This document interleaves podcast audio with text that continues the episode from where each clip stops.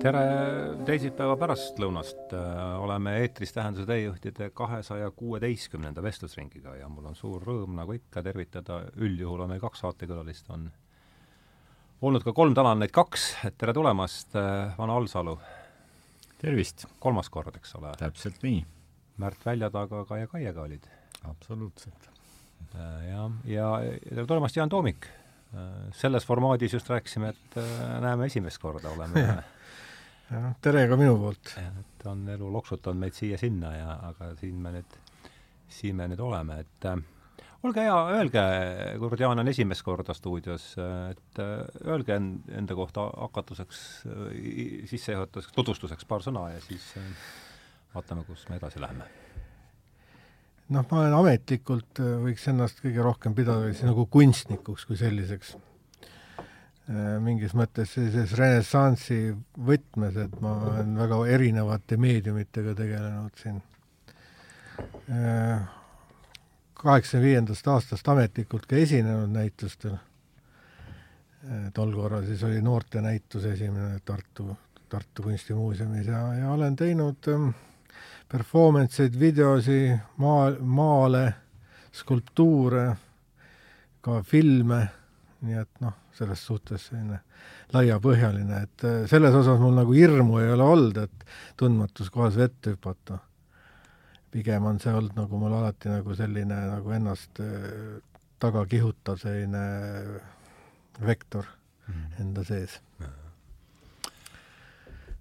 kõik, Ano jaa, on, siit on hea jätkata kohe, et mina ka hariduselt maalikunstnik ja näituse debüüt oli ka tuhat üheksasada kaheksakümmend viis kas olete, olete ühe aasta mehed enam-vähem või? me ei ole ühe aasta mehel, aga me oleme ühel kursusel Aha. õppinud. mina olin äh, vanem temast või olen täna vanem et äh, tegin ka Vene Nõukogude armee läbi. kus sa olid? Äh, teenisin Volgogradis, Stalingradis, ütleme niimoodi aga eh, jaa, et ütleme nõnda, et, et see ei ole meil Jaaniga sugugi esimene vestlus, võib-olla tuhandes umbes, nii suurusjärk on sealmaal et tegelikult tollase õppimise juures oli äh, võib-olla nõrkuseks tänasega võrreldes see, et seda süsteemsust ei olnud kuigi palju ja, ja niisugust äh, võib-olla pressungit, aga, aga seda enam jäi aega nagu tõepoolest selliseks äh, vabaks loominguliseks tegevuseks ja vestluseks, nii et ma ei tea, kas me kuskile ka sellega jõudnud oleme või ongi võimalik jõuda, aga et me oleme küll nii elust kui kunstist rääkinud, et nüüd vaatame, mis on need pudemed, mis on äh, tänaseks siis järgi jäänud, aga endast veel kahe sõnaga jah, nii palju, et et ametis ka kunstiadministraatorina nüüd juba kümnes aasta läheb, et et seda kunstimaailma siis vaatan nii oma loomingulise mätta otsast, kui püüan vaadata ka siis läbi, läbi teiste silmade, et kaardistada neid võimalusi ja probleeme, et see on minu selline igapäevane tegemiste ring mm. -hmm noh, ma võin ka lisada, et ma olen ka pedagoogina üsna kaua tegutsenud. esimene, esimene töökoht oli äh, Tartus, Vano oli sinna määratud professoriks üheksakümne esimesel aastal ja kutsus siis mind äh, juhendama. Pallasesse siis, jah? ja see olnud, see oli äh, kunstiülikooli tol ajal oli selline nimetus, filiaal Tartus ja hiljem nüüd ma olen siis üks kaks, üle kahekümne kahe aasta nagu Kunstiakadeemias professorina interdistsiplinaarseid kunste juha, juhatanud ja, ja ka loonud selle algusest teedri. peale selle nimetusega interdistsiplinaarne? jah, see oli esimene praktiliselt vist üldse endises Nõukogude Liidus kahe tuhandete alguses kohe ja ei, kahe tuhande, jah, kahe tuhandete alguses ja hiljem siis Mali osakonna professorina siiamaani ja noh, mõtlesin teiseks küsimuseks selle, et kuidas te, kuidas te kokku või mis see teie, te tunnete pikalt teineteist, osaline vastus on juba käes, et et olite ühel kursusel, ma saan aru ja mul tuleb meelde sealt näituselt, mis oli siin nüüd äsja Kumus, mingi Praha, mingi Prahas Karli silla peal toimus mingi askeldamine. mitte mingi, vaid üsna konkreetne. Võib-olla ongi parem öelda, et toimus mingi askeldamine.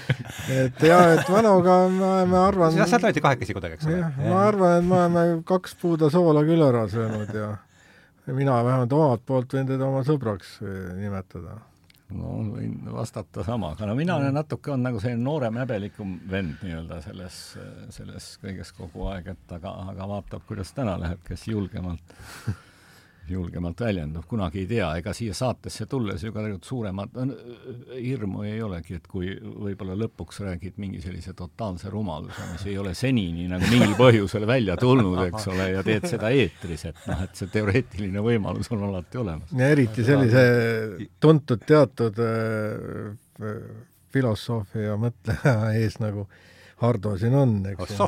mina rohkem pean ennast ikka saeviski filosoof no ei tea midagi ei, no jaa, ei ma saan aru, ma, ma, mis ma siin kõik olen kokku padranud siin äh, erinevates kohtades, aga et äh, aga kust te üldse olete pärit? kus oled, kus oled ja pä, pärit äh, mina sündisin Tartus. Tartus, jah? jah. Äh, arstide perekonnas, üli, noh, üliõpilased olid nad veel tol ajal. ja, ja mingis mõttes noored, noored vanemad olid sul siis? teisel kursusel vist ema sünnitas mind ja, ja siis hiljem ma kolisin Haapsalusse tööle, siis keskkooli ajal olen seal olnud ja mm -hmm. ja siis hiljem nüüd Tallinnas ja, ja praegu ma elan üldse nagu maal poolenisti, et see võib-olla tänase teemaga ka hiljem nagu ma puudutan seda mm, -hmm. seda elamist seal. kus sul on see? Äh, nagu sa tead, kas me kohtusime sinuga seal Virts-? aa jaa, muidugi, sa eladki, sa eladki seal? ma, ma olen sisse kirjutatud äh, sinna lähedale, jah. siis ja... sul on suvekodus? no seda võib ka nii nimetada, et ma, ma olen nagu aadlik, et elan nii maal kui linnas, noh. no linnas on ka mingi pesa sul? Äh, jah, mul on siin äh, elamine ka mm. -hmm. linna lähedal õieti mm. -hmm. pere, pere elab siin ja noh, mina ka siis, nii et pool aega siin, pool aega seal, nüüd viimane aasta on niimoodi toimunud. Et teatav selline äh, spirituaalne vaimne eksperiment ka sellega mhm. kaasneb, mida, mida ma siis hiljem nagu aru sain, et see on nagu märgiliselt kaasa tulnud minuga mm. -hmm no Vano, sina, kus, kust oled sina pärit? no raske üllatada, siin Tartus sündinud esimesed kaheksateist aastat veetnud. Te olete mõlemad tartlased siis? jah, sünnipäraselt jah. Noh, ma nüüd nagu ütleme, viimastel aastatel, võib-olla viimasel aastakümnel ma olen nagu taas niimoodi vaimselt Tartusse nagu hakanud tagasi minema järk-järgult. mitte tegude kaudu, aga, aga võib-olla oma mõtteis ja, ja käies seal ja, ja rääkides inimestega ja suheldes, et aga mis mind Tallinna tõi, noh, tollal tegelikult praegu kõlab see naljakalt, aga enne ERKisse siis, eks ole, tollane Eesti Riiklik Kunstiinstituut õppima asumist ma olin Tallinnas käinud võib-olla umbes kolmel korral.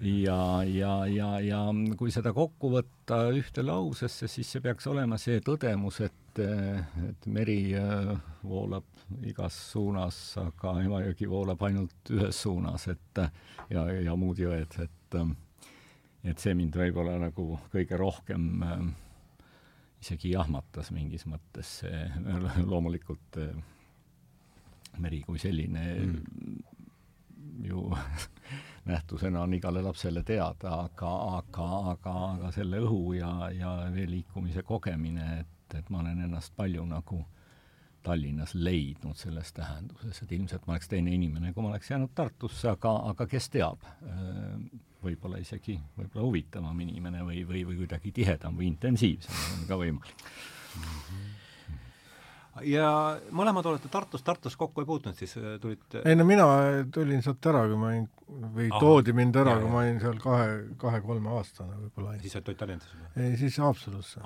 ja ema ja isa suunati tööle sinna nagu ta ja, ja, ja seal ma siis sain nagu sellised esimesed sellised kuidas öelda, noh, see oli selline keskkond, kus ma esim-, no hakkasin ennast nagu vaimselt ka tunnetama ja maailma avastama niimoodi.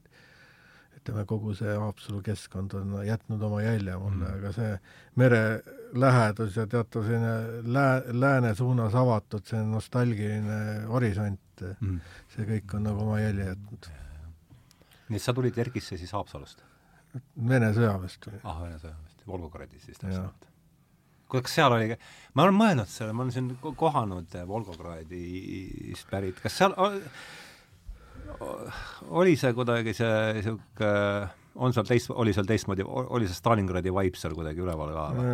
Ma tajusin seda oma nahal, jah. ah, räägi sellest äh,. äh ütleme, me, see sõjaväeosa oli natuke Volgogori linnast väljas, ta oli vanal Saksa lennuväljal, sõjalennuväli oli sinna, noh, kui seal lahingud toimusid.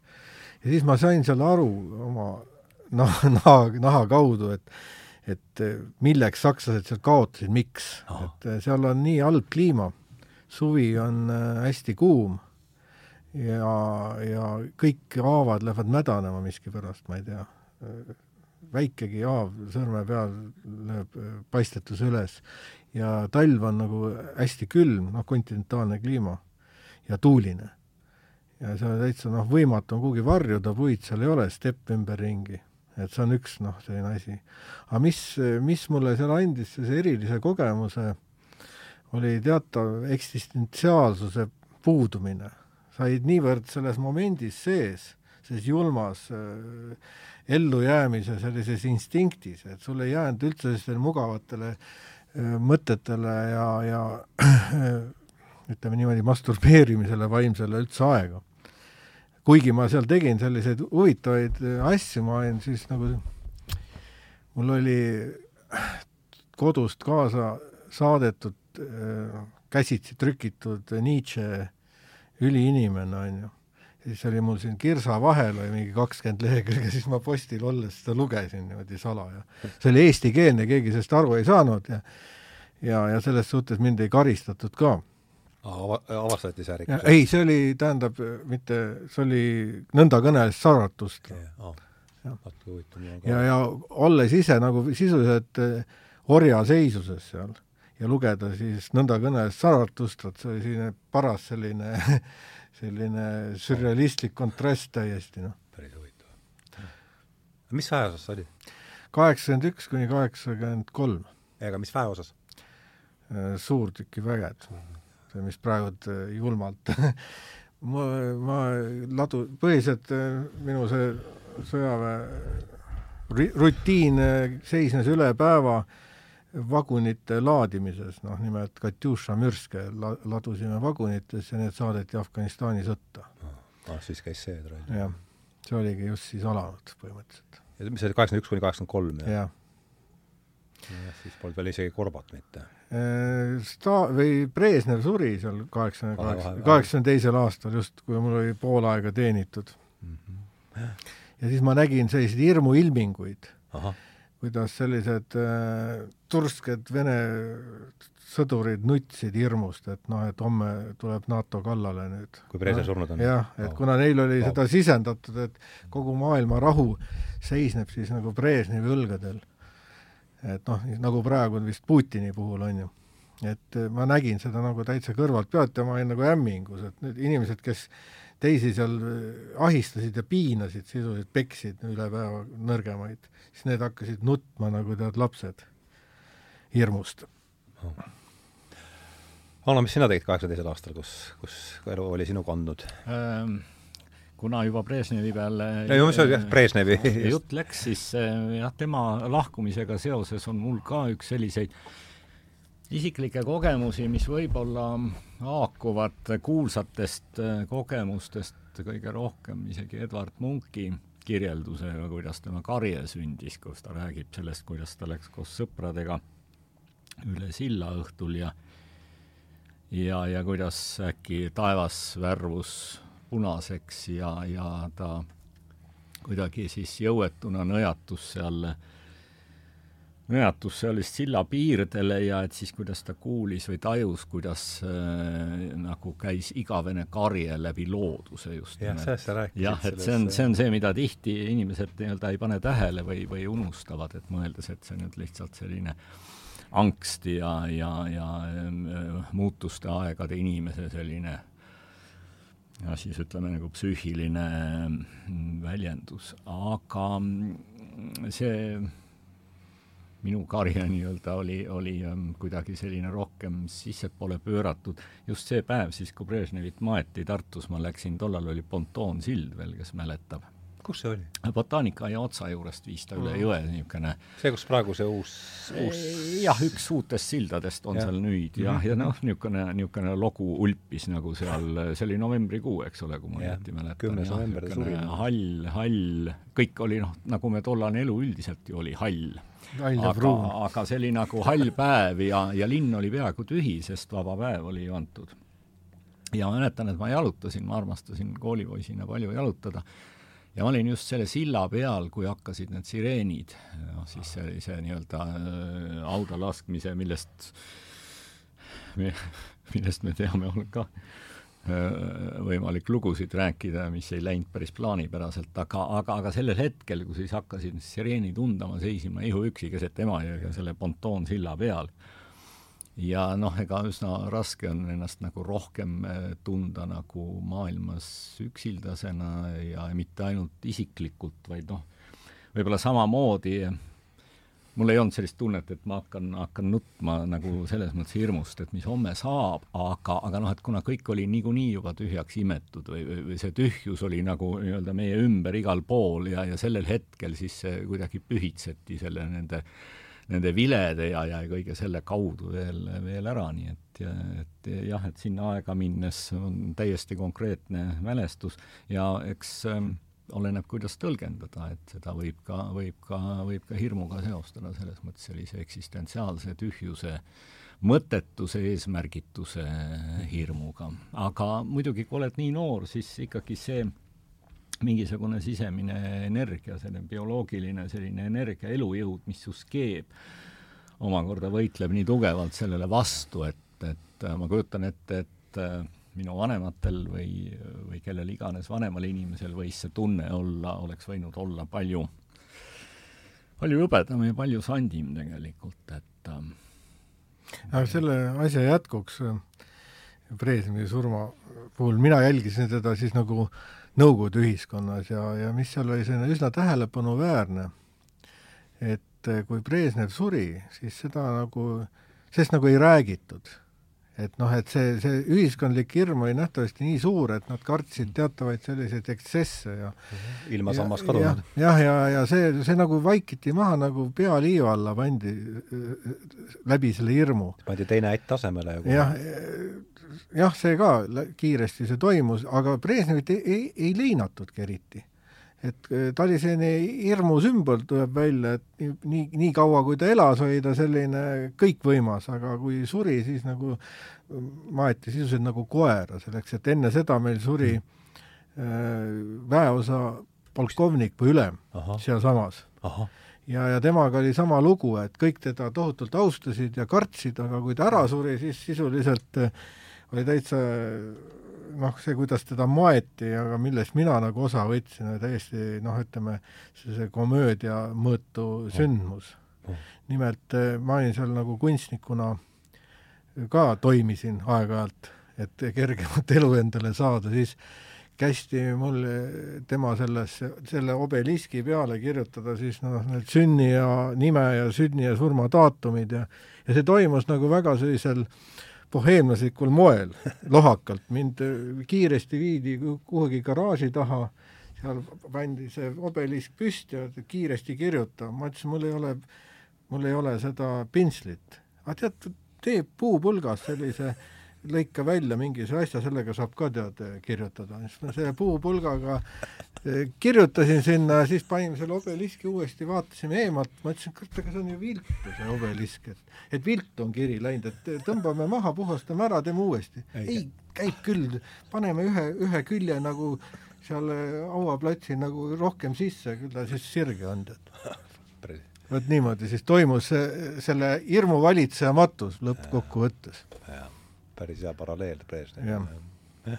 ja kümne aasta pärast oli meil juba, oli juba kroon äh, olnud pool aastat selleks ajaks. jah, väga, väga kiiresti, jah. kümme aasta ja kõmm. eks see hiljem toimusid neid matuseid järjest. no see avas ju matuste hooaja, tuli pumm-pumm. jah, jah.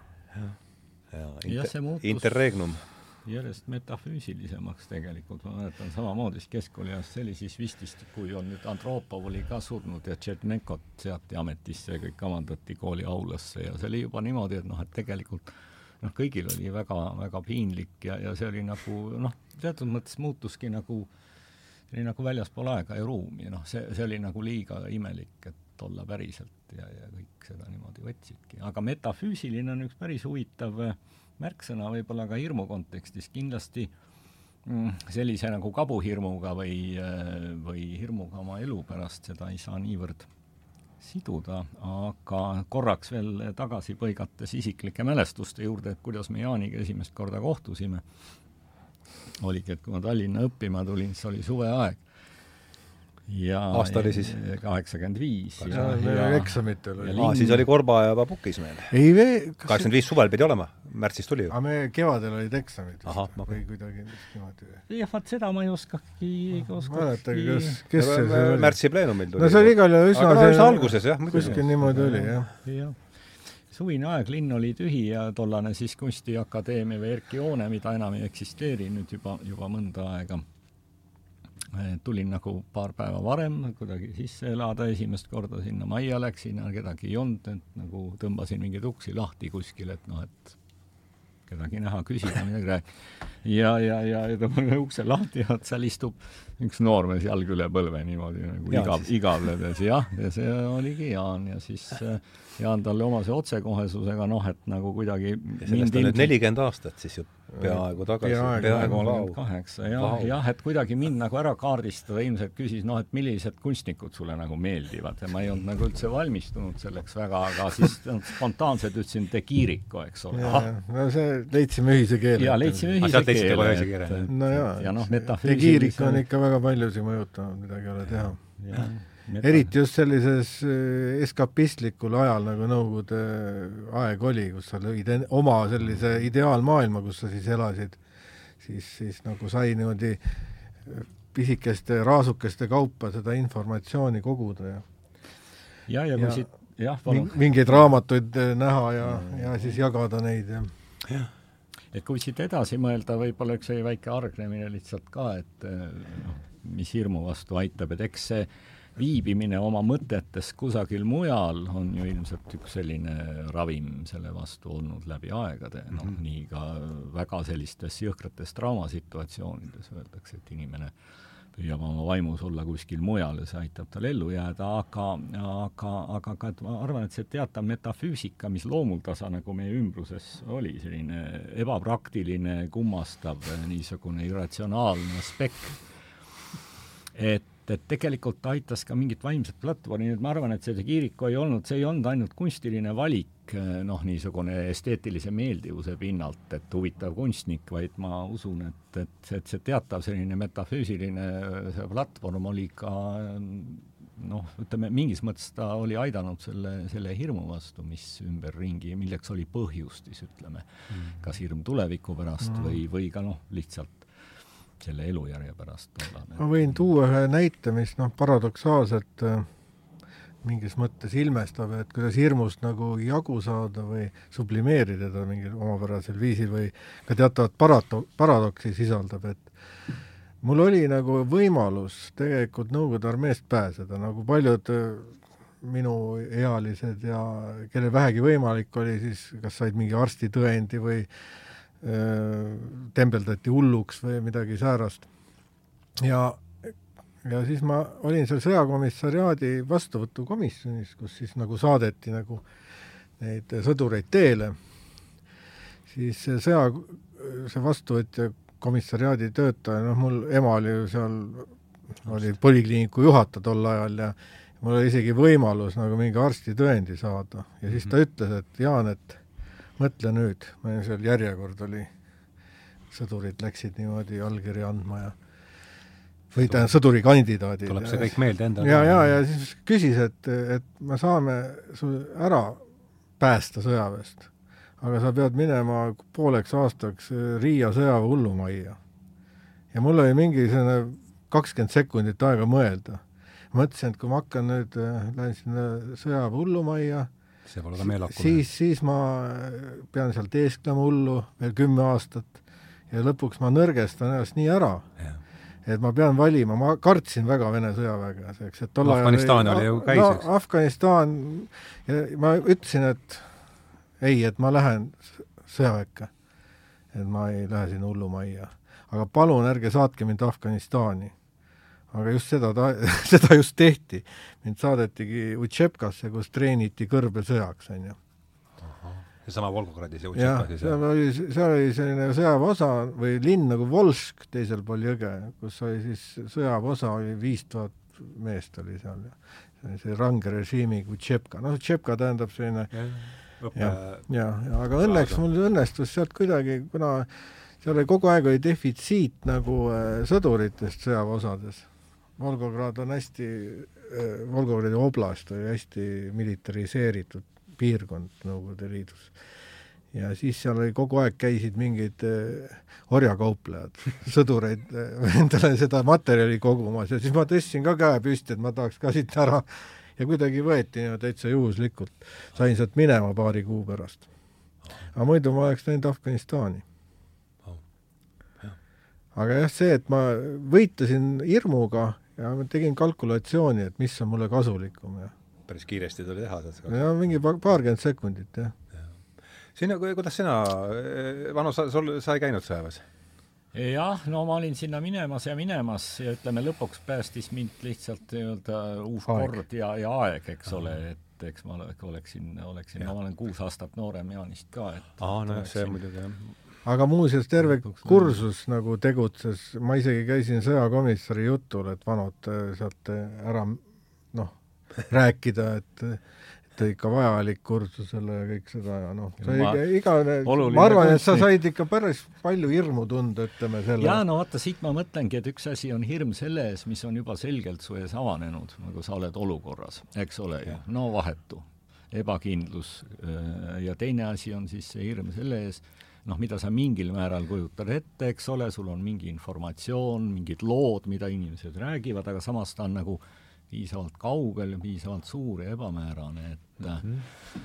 et eh, jah, neid võib-olla isegi kohati on raske võrrelda, et, et ilmselt need mehhanismid, mis käivituvad siis nii mõtlemises kui, kui ka keha tasandil, on ka kohati erinevad, et ühel puhul on ikkagi juba see võitlemise äh, reaktsioon on käivitunud, aga, aga teisel puhul on see, kui põgeneda ei õnnestu, siis on võib-olla see pikaajaline tardumus kuni ühiskondadeni välja, kui me räägime siin, läheme üksikisiku tasandist, tasandist kaugemale, et, et kui midagi parandada ei saa ja lahkuda ei saa, et siis äh, toimub mingi selline kummaline kapseldumine, mis võib olla kõrvalt vaadates isegi huvitavalt metafüüsiline või kummaline või naljakas, aga jah et eks see teadmatus olegi üks põhiasi, mis seda hirmu nagu äh, genereerib kõige rohkem, et noh, minu,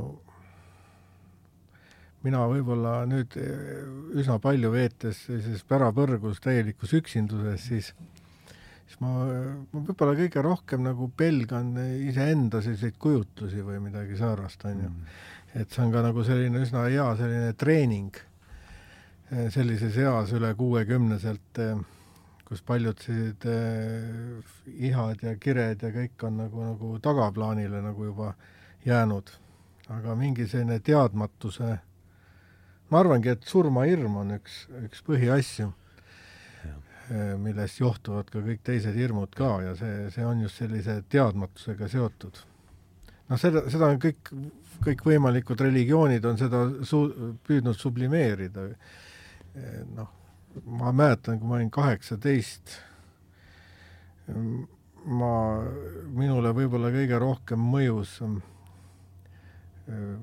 noh, tol ajal oli kogu see informatsioon ka väga nagu piiratud, üks selline Samstati tõlge Tiibeti surnute raamatust, millel siis oli Carl Gustav Jungi selline eessõna või ta-, järelsõna ja siis ma nagu sain aru, et see ongi tegelikult praeguselt mõeldes, et see tegelebki puhtalt sellise hirmu, hirmuprobleemiga, kuidas siis uuesti sündinu või vahe, vaheolus inimene siis nagu on vasta, vastakuti teatavate selliste hirmutavate jõudude ja energiatega, millest siis, kui ta, kui ta need ületab, siis sellest sõltub, või kui ta nendega samastub, siis sellest sõltub tema selline vabanemine no lühidalt öeldes. millal sa lugesid seda Tiibeti surnute raamatut? no ma olin eh, enne sõjaväge, võiks öelda isegi, jah.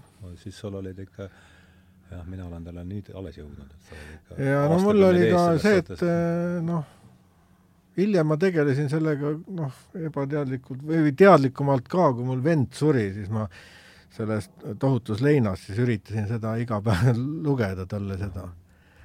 Vennale? vennale, jah. ta oli vähis siis või midagi? ei, ta, ta suri noorelt, kahekümne seitsme aastaselt peatrauma tagajärjel aga, aga see avas mul mingis mõttes tagantjärgi, ma, kui ma olen ise olnud sellises, ütleme nii, piltlikult öeldes sellises ähm, piirsituatsioonides, kus noh, isegi teatavat surmalähedust on tunnetatud äh,, siis see, see teadmatus. Ma olen tajunud sellist täielikku teadmatust, sa võid olla kõike haritud lu-, lu-, lugenud igasuguste teooriatega äh,, tutvunud, aga ikkagi see, ikkagi ühel hetkel sa tajud, et see võib-olla kõik on täielik illusioon, mida sa oled endasse talletanud. aga see täielik tundmatus ootab sind, et kas sa oled selleks valmis ja ma alati mitu korda, kui ma olen olnud selle piiri peal erineval moel, ma tajunud, et ma ei ole veel valmis sinna tundmatusse minema. Ja, ja see on ka üsna konkreetselt hirmuga seotud mm Pano, kas sul tuleb Tiibeti surnuta raamatuga, tuleb midagi ette, oled sa? ja ma tunnistan, et mul on ta riiulis, aga ma ei ole teda ei ole teda tänaseni lugenud, minu jaoks on Tzu, ma võtsin igaks juhuks täna ka kaasa, no et mingisugune selline selline nagu see pühakiri peab ikkagi olema, igaks juhuks mingi väike raamat peab olema. kelle tõlge see nüüd on? Linnart Mäll. see on ikka Mäll, jah, jah. see on selline suhteliselt luuleline küll, aga noh.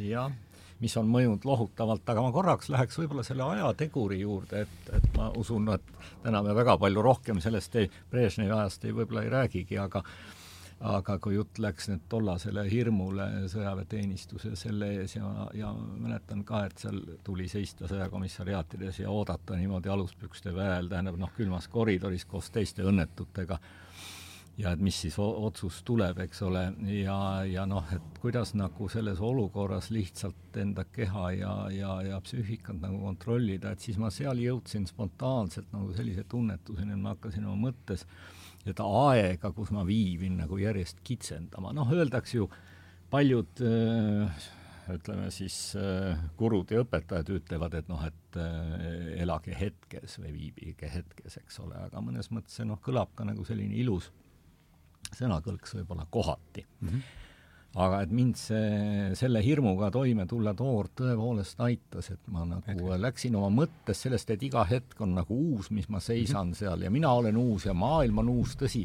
see olukord näivalt on sama, aga, aga, aga et ma nagu äh, püüdsin ennast kuidagi nagu oma vaimus uuendada kogu aeg niimoodi ja sellega siis võib-olla jätta seda taaka, mis tekkis nii-öelda silme all või, või sõna otseses mõttes nagu õudusfilmides on, kui see mingi must mass hakkab kasvama, eks ole, et ja sa ei suuda sellega võidelda, et siis sa lihtsalt ise nagu nii-öelda astud välja ja noh, see on võib-olla naljakas ja raske kirjeldada isegi, aga mingisugune selline tehnika tekkis mul lihtsalt selles hädaolukorras, mis aitas mind siis noh, ma ei tea, mitte kokku kukkuda, ütleme nõnda mm.. jah uh,.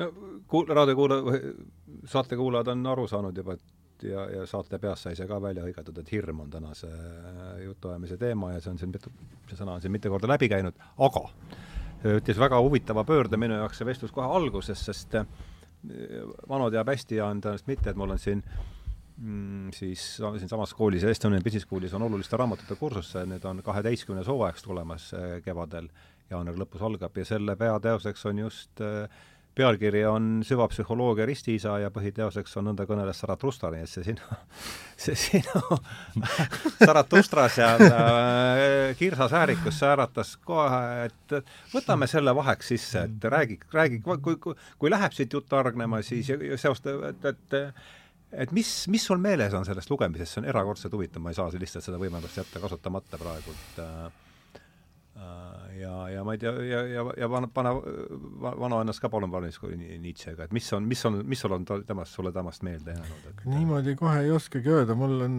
äh... ja, ja, ja veel kord, et kui tuled, siis läheme edasi teiste teemadega, ma lihtsalt ei, ei saa no, kasutamata. ärgitada mingite küsimustega mm, -hmm. no mul ongi just see no tol ajal oli see mingi e-, Eesti-aegne tõlge sellest noh, samal ajal oli ju, teie tahmisid kõike, mida, mida oli saada. põhiliselt mul oli üks selline mentor, kes mind varustas selliste visarite tõlgetega ja kõigega, et noh, selline suur huvi sellise filosoofia vastu oli tol ajal mm. -hmm. kõike, mis kätte said, seda proovisid siis nagu juba keskkoolis niimoodi, jah? jah mm -hmm hiljem ei olnud nagu enam selleks nii palju aega, et noh, et sellega noh, see on nii nagu ka kunstiga, et või spordiga, et sa pead sellega kogu aeg tegelema, et vormis olla, on ju. hiljem tekkisid teised väljakutsed ja, ja, ja noh, minu jaoks on nagu kunsti tegemine juba iseenesest selline meditatiivne praktika, et ka tunnetuslikult, et noh, et kõigega ei jõua tegeleda ja, ja, ja pigem on, ma olen võtnud alati sellise zen-budistliku hoiaku, et äh, eriti sellises eas, nagu ma olen, et ma pi pigem püüan nagu vabaneda sellisest üleliigsest, et et noh, et olla võimalikult palju puhta lehena selles momendis, mis, mis ka välistab teatava hirmu nagu Vano siin ja, nagu mainis. jah, et äh, ja, ja selleks, et mida enam sa ennast, oma ebakindlust nagu kõikvõimalike informatsiooniga koormad, see võib hullemini lõpuks hakata mõjuma, et noh, noh, ütleme niimoodi ja samas, kui sa mingite praktikate või ainetega oled nii kaugele jõudnud, et et see, kõik see maailm võib hoopis teistsugune olla, mis sa siiani oled oma stereotüüpses mõtlemises nagu omandanud siis on see veel, veel kuidagi raskem. ja aga see nõnda kõnes Zarathustra, noh, ta oli ikkagi selline täielik selline kontrast äh, Nietzsche filosoofia tolleaegsele sellisele äh, kuidas seda nimetati, le-, mat-, materialistlikule, leninlikule äh, filosoofiale või ja, ja, ja eriti noh, eriti seda teha, Nõukogude armees lugeda, seda oli ikka see paras katsumus, kuigi ma lugesin seal ka äh, kommunistliku manifesti läbi üllataval kombel ja isegi mingeid eh, lõike Marcuse filosoofiast, õpetustest, et noh, aga kõik see oli selline väga fragmentaalne nii et see kont-, nagu sa ütlesid, ise, ise orja, sisuliselt orjana lugedes seda ja. seal, jah, see oli ja. väga huvitav. see on jah, selline võib-olla öelda e, isegi selline dadaistlik kompositsioon elulises mõttes, et ja, ja. väga erinevad asjad ühes, ühes ruumis koos või ühes, ühes raamistikus. et igal juhul ta mõjus üsna sellise noh, veidrana, ütleme niimoodi. oled sa hiljem ka teda lugenud või? Ei, seda raamatut huvitaval moel ei olegi, no Antikristust vist olen lugenud ja ja ega, ja noh, tema enda kohta olen mingeid kirjutisi.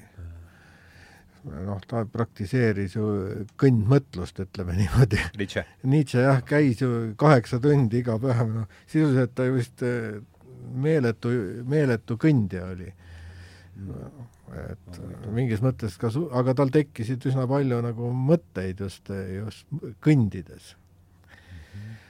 ja noh, nii et äh, see, sellest vaatevinklist ma olen nagu kuidagi püüdnud teda mõista. no aga Vano, sul on Nietzsche saksa keel, sa oled ju saksakeelne, et äh, kuidas ei, oled või? jah, ma loen küll ah, saksa keeles tänaseks, aga, aga e, võib-olla siit selle kõndimise juurest tekkis mul taas ühtepidi, need on ju väga-väga sellised isiklikud mälestused ja eks me kõik ole vahel olnud sellistel koosviibimistes, kui kaks inimest saavad kokku, hakkavad lasteaiamälestusi rääkima, et sa tead, mis see täna teeb, et et sellest püüame hoiduda, aga, aga kui me Jaaniga koos õppima asusime ja tollal ju kuus aastat käisime siis koos seal Kunstiakadeemias mis oli nagu baka pluss äh, magister pluss veel üks aasta otsa tänases mõistes. ja, ja palju käisime ringi ja siis alati, mis kippus olema niimoodi, et me läksime koos kuskile kõndima ja siis äh, see distants kippus kasvama, et Jaan kogu aeg jõudis minust niimoodi ette, alguses nagu poolteist sammu ja siis juba kolm-neli-viis sammu. et miks ma seda räägin, on see, et võib-olla ka need mõjutajad, et see on nagu mingisugune selline ekstravertsuse või äh, Jaan ise on öelnud kunagi ühes intervjuus vist, et mind va-, valdab meeletu rahutus, kunagi sa ütlesid seda, see on kuskil läinud, läinud nii-öelda ajalukku ja, ja sind tundes ma ütlen, ma täitsa saan aru sellest.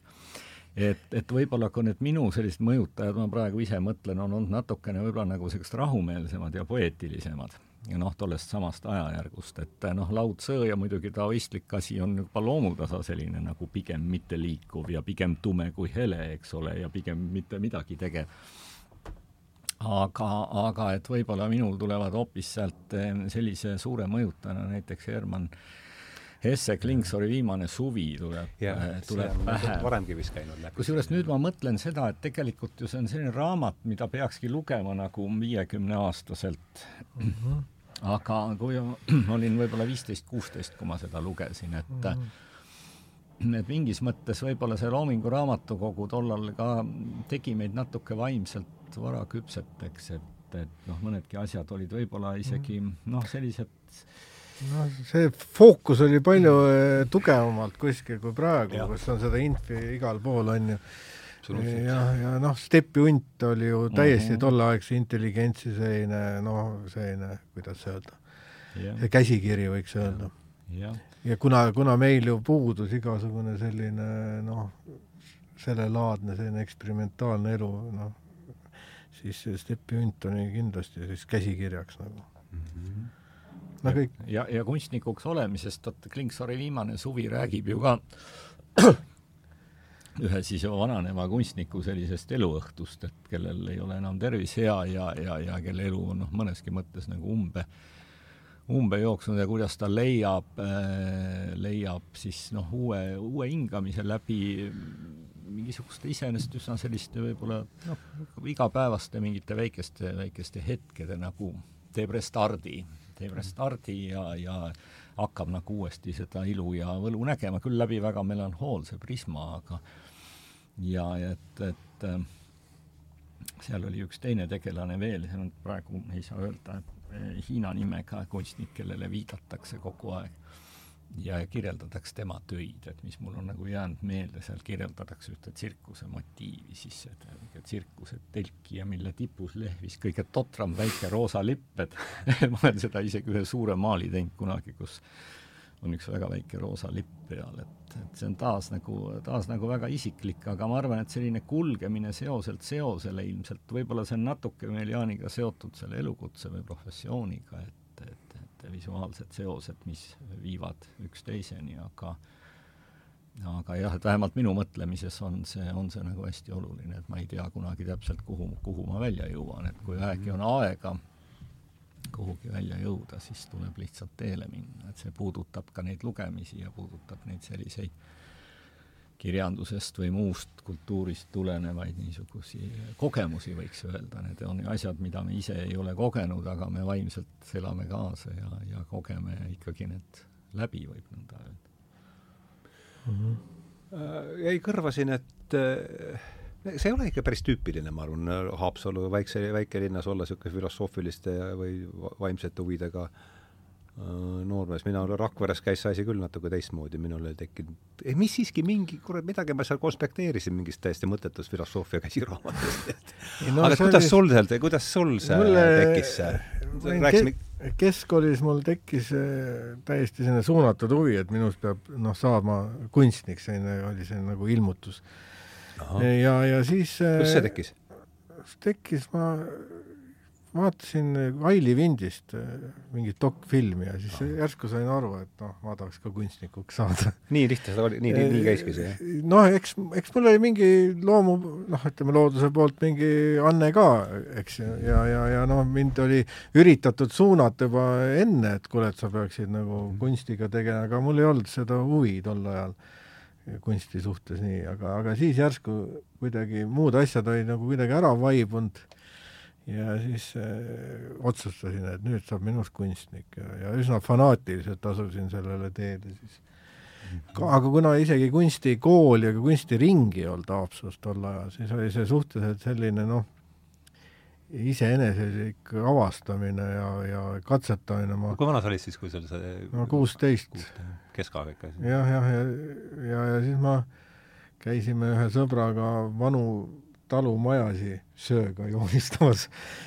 see oli see veider asi, ma ei tea, miks. ja aga hiljem, hiljem kuskil keskkooli keskel tuli sinna üks selline üsna tuntud Sub kuuekümne ühe, üheksa liige nagu Gunnar Meier. no tuli ka kuskilt, pagendati sinna nähtavasti, kuna ta oli sellise temperamentse loomuga ja konfliktne inimene ja ja tema siis kohe lõi kunstiringi sinna ja ja, ja siis ta leidis, et esimeses tunnis juba ütles, kuule poiss, sa peaksid Kunstiinstituudi poole vaatama ja ja tema siis varustaski mind nende asjadega. Aga noh, mul ema oli ka palju lugenud inimene ja ema, ema ka suunas sellist äh, kirjanduse huvi üsna palju. aga noh, tol ajal oligi see Loomingu raamatukogu ja kus oli päris, päris häid asju tegelikult. Borges ja, ja Camus ja kõik need sai nagu läbi loetud tol ajal.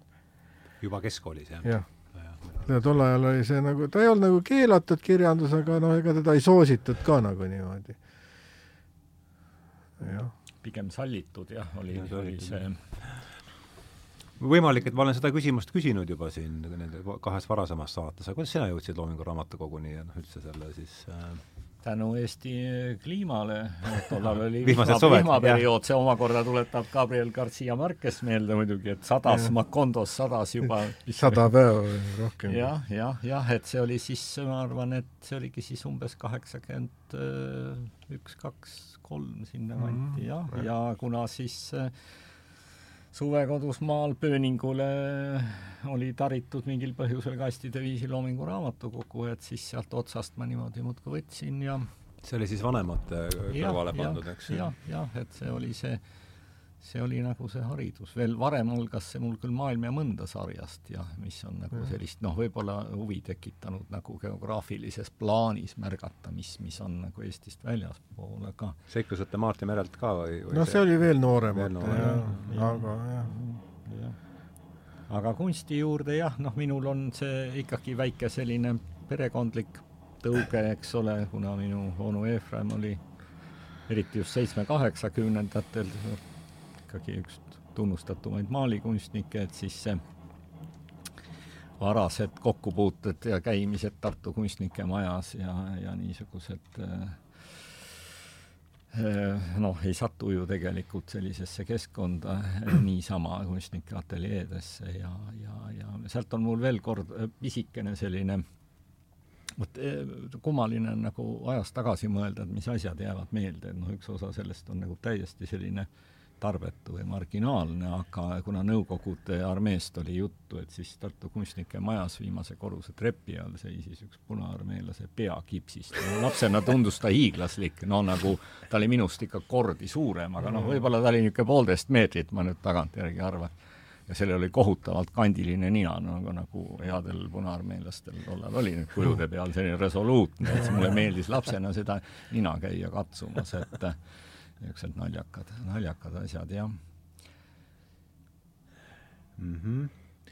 aga kas sulle, Jaan, ei olnud kedagi kunstnikest öö, äh, otseselt sugu, äh, lähe-, lähedas sugulasringis? lähedases mitte, ma arvan küll, aga noh, ma arvan, et see ikkagi kaheksandas klassis ma mingis joonistusvõistlusel kuskil Bulgaarias saavutasin kolmanda koha. Bulgaarias? no see oli mingi laste wow. joonistuste näit- või mäletad ka, mis joonist-, no ju sa äkki mäletad? ma joonistasin ühte oma sõpra seal ja, ja siis saadeti see, see portree, tänu selle võib-olla portree joonistamise oskusele ma jäin ka nagu kuidagi ellu Vene sõjaväes paremini no,. et äh, seal ju kohe kohe päris alguses rivistatakse noorsõdurid üles ja katsutakse nad läbi, et mida keegi oskab või ei oska ja mis, kui tugev ta on nagu nii vaimselt kui füüsiliselt ja siis mina kohe ütlesin, noh, mulle ei õpetatud, et ütle, et sa oled kunstnik, noh -hmm., kuigi ma ei olnud kuskil veel õppinud ega midagi, aga noh, et see võib-olla sind päästab ja siis ja siis oligi nii, et ütlesin, et olen kunstnik. et, et okei okay,, et kontrollime siis. viidi mind siis sinna sõjaväe kuhugi seal kirsad jalas, keegi selline musklis tüüp äh, lesis seal voodis onju küsis mu käest, et noh, et oled siis kunstnik, ma ütlesin, et jah, et olen, et tõesta. et andke mulle pliiats, paber, ma joonistan sinust portree. ja see õnnestus. ja siis ta ütles, oo, tõesti. oledki kunstnik? jah, et kuule, et, et juhul, kui sind siin hakatakse ahistama, siis ütle mulle, onju. Et siis ma siis kaitsen sind ja siis ma veel küsisin, et oled sa siin mingi kõva mees või siis ta oli nagu kuidagi kergelt nagu üllatunud, ütles, et siiamaani ei ole must keegi jagu saanud õieti, jah. et see see oli siis selles Kõrbeutšepkas veel või? see oli juba uues kohas.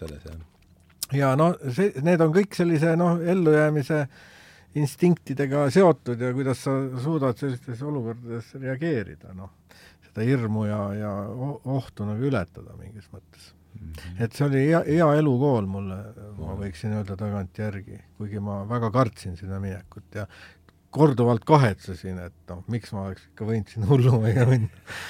aga näed yeah nagu rääkida kunsti suurtest hoovustest, siis ütleks muidugi niimoodi, et siin see selgelt valides abstraktse teeraja nagu, nagu ohud tunduvad suuremad, et, et see ime, mida valdab siiski osade inimeste jaoks tänaseni kunstnik, kes suudab mm. ka tänasel nii-öelda foto- ja digitaalajastul suudab tegelikkust nagu äh, tõetruult edasi anda, et ilmselt see on niisugune ürgne, ürg, ürg, ürgne imtlus, mis ei kao niipea ja, ja tegelikult on see ju, on see ju tore, kui ta ei, kui ta ei, ei kao, et seda hinnataks ja, ja võib siis ka nagu kehvas olukorras siin tuleb see kuulsa Praha sillaga mulle meelde see lugu, et see oli mingi kaheksakümmend, mis see üheksa, kaheksakümmend üheksa. kaheksakümmend üheksa, jah. just vahetult enne Sameti revolutsiooni muuseas.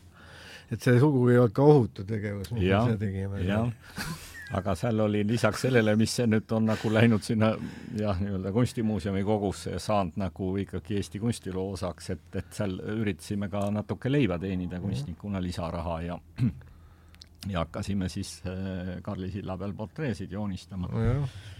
ja noh Jaanil tuli hästi välja, ütleme, mul nii hästi ei tulnud. no ma olin Kas... rohkem treenitud, ma ikka neid eh, Vene sõjaväes neid sõdureid ikka päris palju joonistasin. aga, aga siis meid päästis see poliitiline või mind päästis, tähendab, poliitiline aspekt, selgus, et see klient oli grusiin, kes lasi seal oma lastest teha joonistust ja siis ta andis ka mulle, ma arvan, et see, mis see siis viis mis see, mis see, no jah, ma ei mäleta nüüd, kui suur see kroon oli, see oli umbes nagu viis rubla, see raha, noh, niimoodi, mis ta andis ja siis ta ütles mulle sinna juurde saatesõnad za to, što ti estonec, ütles ta niimoodi, et noh, et sellest Eks. ma nagu järeldasin, et töö ei tulnud kõige paremini välja, aga ma ei tänu... tea, kas ta nüüd nii, aga noh, ega sa nüüd nii halb joonistaja ka ei ole, noh, praegu, praeguste kandidaatidega no. võrreldes, kes ja ma arvan, et täitsa igati, igati okei okay,. no seda on alati lohutav kuulda, aga noh, siit võib ka põigata nagu teeme näiteks loominguline, siis kuidas öelda, hirm loomingulise impotentsuse ees, et, et, et tegelikult me oleme nüüd palju rääkinud sellisest nagu noh, mingis mõttes siis militaarsest ühiskondlikust et jõuame oma nagu liistude juurde. võib-olla jah ja., peaks hakkama tüürima vaikselt. mul oli sama mõte kusjuures mida kätkeb siis kunstnikuks olemine, et no mis hirme, noh näiteks. aga mõtleme selle, võib-olla selle nurga pealt veel, et äh, miks, miks see hirmu teema üldse tuli, et meil oli nüüd viimane leht, mis on kolmkümmend, kolmekümne kuues leht, selle peateema oli hirm. Ja noh, alati on esikaas muidugi, et mis sinna, mis sinna panna. Ja, ja ja ega ei olnudki, lõpuks poisid valisid selle, ma, ma andsin näiteks ette, et minul oli, minul, noh, kõigil meil on mingid, aga minu idee oli see Hitchcocki see Psychos see, mm. see naise silmad, et silmad ja. oli see. ja noh, siis lõpuks poisid valisid selle. kas see Repini, Ivan Groznõi see poja tapmine on siis nüüd hirmuga niivõrd seotud? no lõpuks ta, poisid selle välja pakkusid ja, ja aga kuidas nad põhjendasid seda siis? ei teagi, ju, ju see ikka, ikka need silmad, noh aga noh, ma ei ole ka nõus või selles mõttes, et sa ei ole, et ta tõenäoliselt ei see, ole kõige see võib-olla on mingi kahetsus, mis võib-olla isegi kuigivõrd noh, või mingi hulluse moment, mis noh, seal on kõik seal koos see jah, aga aga mu küsimus oligi see, et mismoodi teie oleksite lahendanud selle äh, selle konkreetse reepini ei, ei, ütleme esikaane äh,. et mis mõtted tuleb pähe, et see on nüüd küll tagantjärgi tarkus, aga aga mis teie, mis on, noh, oli mõte minna kunsti peale ja no kuna ja minu jaoks hirm on noh, kõige rohkem seostub teatava teadmatusega mm, -hmm. see oleks täiesti selline must, must ilma igase, must ilma, ilma igasuguse tekstita, selline must lehekülg, minimalistlikult mm. -hmm. et see on selline, mis imab enda sisse, on teadmatus täielik selline.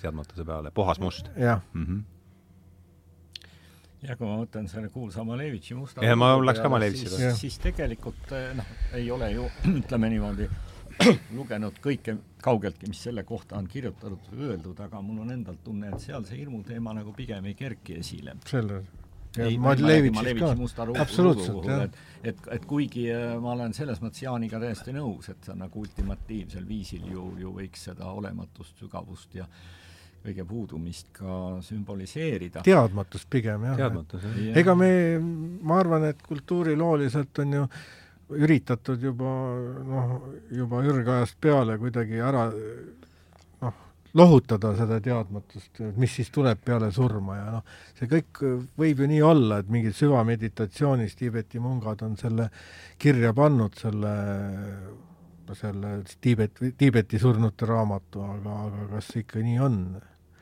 meie selline läänelik kriitiline meel vahest tõrgub sellele vastu, noh. võid ju siin teha mingisuguseid psühhedeelikume ja ja sattuda mingi täiesti veidratesse olukordadesse ja, ja, ja teadmistesse, aga ikkagi, ikkagi keegi ei ole sealt päris tagasi ju tulnud. usaldusväärsed reisikirjad puuduvad. jah, seda ma olen nõus väga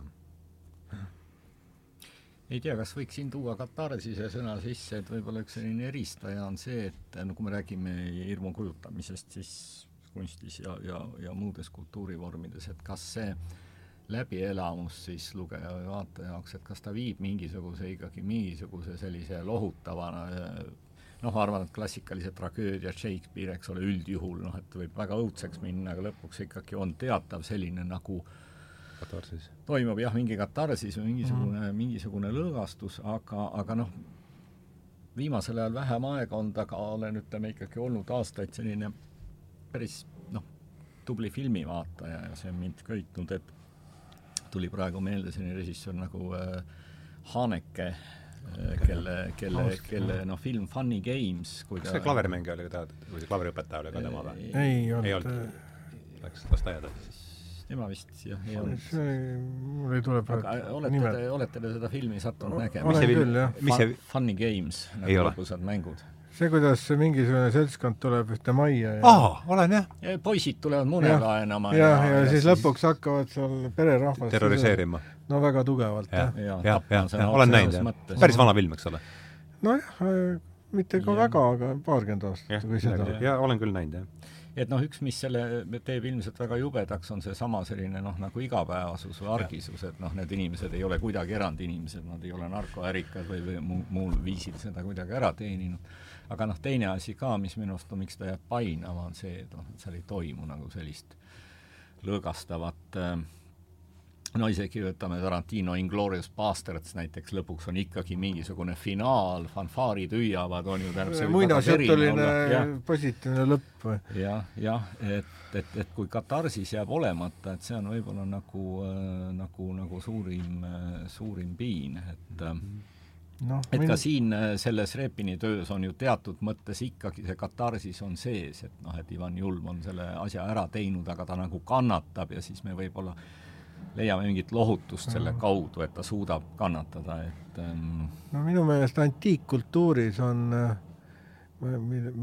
mis mind nagu köidab äh, viimasel ajal juba pikemat aega, äh, jah, see katarsise moment mm, -hmm. aga sealsamas on üks peategelasi, on ka saatus kui selline. et, et sa võid ju kõike teada isegi, mis mm, -hmm. mis tuleb, aga ikkagi saatus selle määrab ja ja teatav see saatusele allumine, see vabastab ka mingil määral hirmust ju tegelikult. et sa, et sa võid ise toimida, aga ikkagi mingi asi on üle, üle nende jumalate mm -hmm. tegude isegi. jah, isegi Zeus allus mõelale ja mul on see et selles suhtes noh, ma olen nagu kuidagi lähtunud oma loomingus ja seda nagu silmas ka pidanud mm. -hmm isiklikku. saatusest oli meil ju juttu Konradiga mm. kohe, oli isegi pealkiri, see oli väga huvitav teema, mis hirmu ja saatuse seos, see võiks olla täitsa, meil on, ma arvan, et meil on tunnikene, see on huvitav, et see sõna, jah, tunnike ongi jäänud, et teine pool on ees, et hirm ja saatus, see on päris huvitav, päris huvitav teema, et mul tuli meelde siinkohal James Hillman, kes on äh, USA junglik psühholoog, kes mind on väga palju mm. aidanud oma äh, puntra hakkimisel, et tema ütles, et tulevikupsühholoogia kolm suurt universaali on ilu, õiglus ja saatus. et ähm, kuidagi meelde jääb.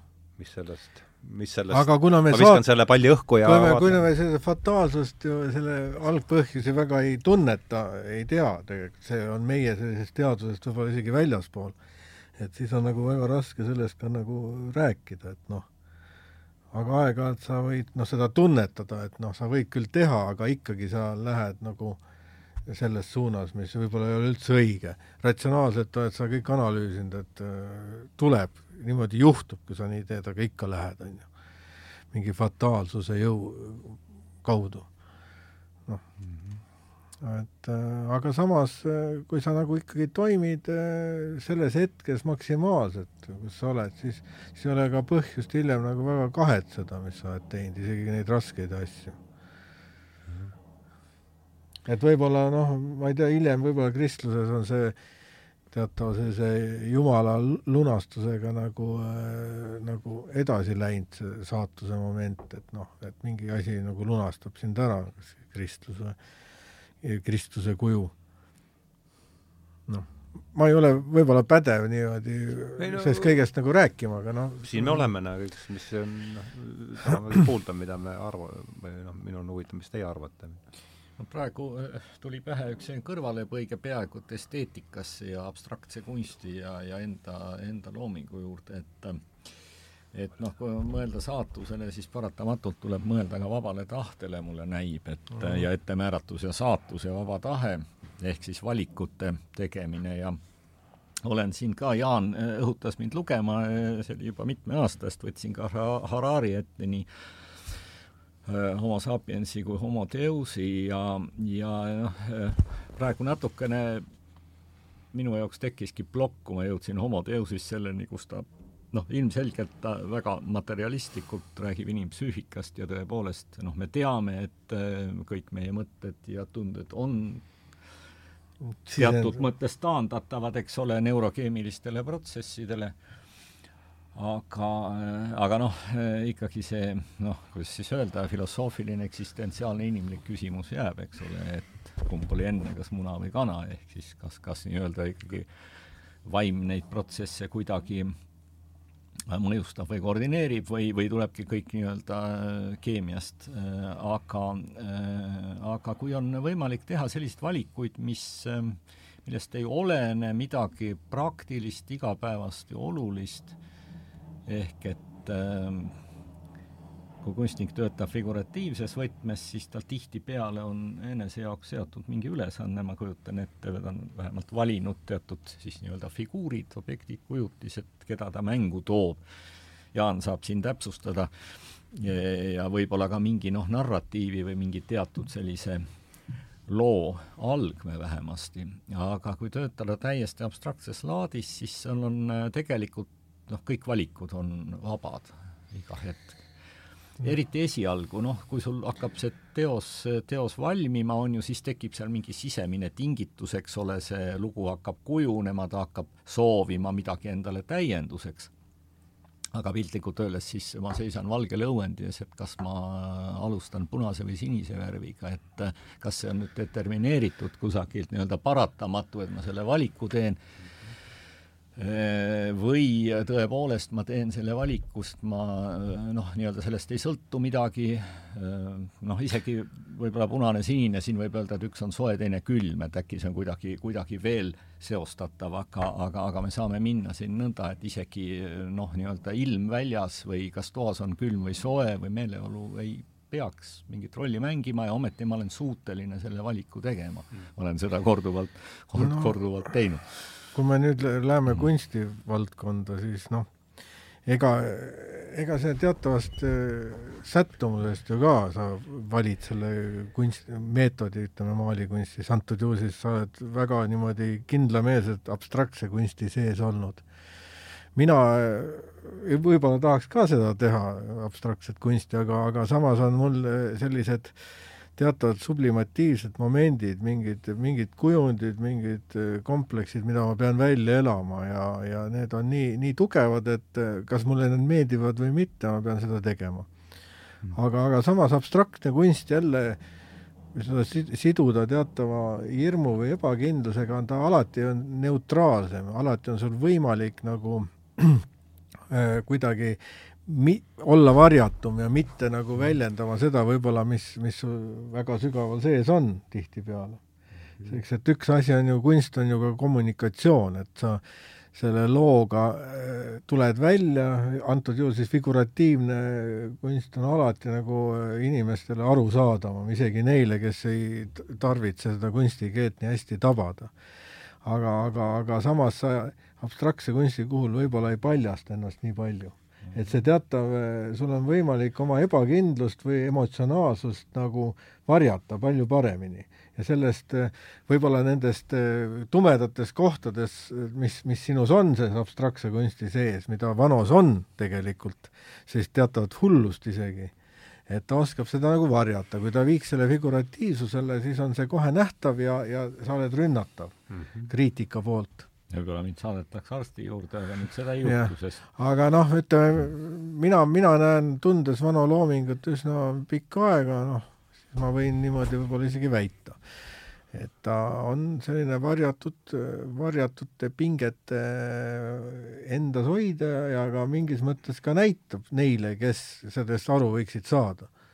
aga tavaline inimene võib-olla, kellel puudub selline kunstialane keele lugemisoskus, võib seda üsna pealispindselt näha mm. -hmm aga noh, eks see väga levinud ja tihti toodavaga adekvaatne paralleel ikkagi instrumentaalmuusika ja, ja versus siis sõnadega muusika, et arusaadavalt, et kui su teose, ütleme siis peateema motiiv on näiteks ma armastan sind, kaunis daam, et aga kui sa väljendad seda ainult instrumentaalselt, siis noh, versus see, et see tuleb sõnades kohe refräänina, et, et noh, et see mõju kommunikatiivses plaanis on tõesti eh, noh, ääretult erinev, eks ole. see, kuidas ka neid värve, mida sa kombineerid, kuidas erinevates kultuurides mõistetakse, noh, et eh, selles suhtes on eh, alati siin suurem ambivalents sinu, sinu tööde puhul. noh, kui me siin räägime, et ma ütlen, et see hirm või, või paneme musta, on ju aga võib-olla peaks hoopis valge olema, eks noh, näiteks äh, Hiinas on äh, leinavärviks hoopis valge värv. et noh, võib-olla just valge tekitab siis teatavat teadmatust, on ju, tühjust ja kõike, noh et kõik on nüüd paradoksaalne mingis Ma mõttes. tohin siit põigata selle noh, kunstnike eh, hirmude juurde, siis noh, üks hirm kindlasti ongi see, et olla mitte mõistetud, mis ju ei ole ju spetsiifiline ainult kunsti, kunstihirm, arusaadavalt inimestena me soovime ju olla mõistetud vähemasti mõne teise inimese poolt, noh hea, kui neid on rohkem, eks ole. et et, et, et, et see kindlasti ka noh, saadab neid otsuseid ja, ja, ja, ja, ja teemavalikuid, lisaks sellele hirmule, et äkki üks päev ei tule enam, noh, tähendab, tahad teha ja lihtsalt ei õnnestu enam. noh, ütleme see... meie, meie, ma segan vahel, meie see loomespetsiifika on ikkagi selline teatavas üksindusest maailmade loomine, on ju. ja sa iga kord ju vastutad selle eest ja, ja mingis mõttes sul on nagu otsustamine iga hetk. ja, ja siis ühtepidi sa tahad nagu võimalikult adekvaatselt seda oma sisemaailma nagu näidata, aga samas olla ka kommunikeeruv mm. muu maailmaga ja see noh, alati on see noh, mis ma olen tähele pannud, et äh, tihtipeale meie, no võib-olla oli meil aeg ka selline, kus äh, me eksperimenteerisime, see maailm läks nagu lahti kuidagi väga jõuliselt praegult on nagu noored võib-olla on äh, sellise sisemise kontrolli all palju rohkem. et äh, see sisemine tsensuur on suurem, mida ma ise nagu õppejõuna nagu näen mm. -hmm. et nad on äh, mingis mõttes konservatiivsemad ja arglikumad selles osas. Nad kardavad sellest mainstream'ist nagu välja minna mm -hmm. palju rohkem kui meie omal ajal. meil, meil oli nagu see sundus isegi, et noh, teha midagi täiesti radikaalset, nagu see Praha silla asi või ja, ja, ja tuletame meelde, see oli Nõukogude, Nõukogude impeeriumi lõpp. aga, aga, aga praegult on jah, et see, kuidas praegu teatavaid eh, ideoloogiaid peale surutakse, seda nagu võetakse nagu väga kergesti omaks, kuna selle sees on eh, ka selline kommertsiaalne edu nagu tagatud rohkem ja see kõik on ka väike selline hirmu mingi variant mingis mõttes. väga hea, see on huvitav tähelepanek. jah, kaheksakümnendate lõpp, üheksakümnendate algus võib öelda ka niimoodi, et sellise aeg, kus tsensuur oli lakanud toimimast või isegi muutunud naeruväärseks mm -hmm. ja mhm. enesetsensuur ei olnud veel tekkima hakanud, noh, et ega nii heas kui halvas, eks ole, kauboikapitalism ju mingis mõttes ka õitses sellelt pinnalt ja ega see ei toonud kaasa siis ütleme ainult meeldivat, et see tõi kaasa ka omamoodi jõhkrust päris palju, aga, aga kultuuris ja kunstis oli see tõepoolest sellise nagu totaalse vabanemise aeg, seda tuleb tunnistada, mis ja, ja noh, reeglina on noored, noored mm -hmm. loojad on ikkagi sellised vasakpoolsed ja, ja kuna selline globalistlik ideoloogia nagu valitseb praegu ikkagi Euroopas ja mujal on ju, siis siis, siis nad lähevad selle mainstreamiga palju paremini kaasa, võtame siin rohepöörded ja, ja veganlused ja kõik see, see on täitsa, täitsa kurioosseid, kus noor inimene ütleb, ei, ma ei taha lapsi sünnitadagi, et mis ma sünnitan, tuleb ju apokalüpsis ja ja täiesti totaalne maailma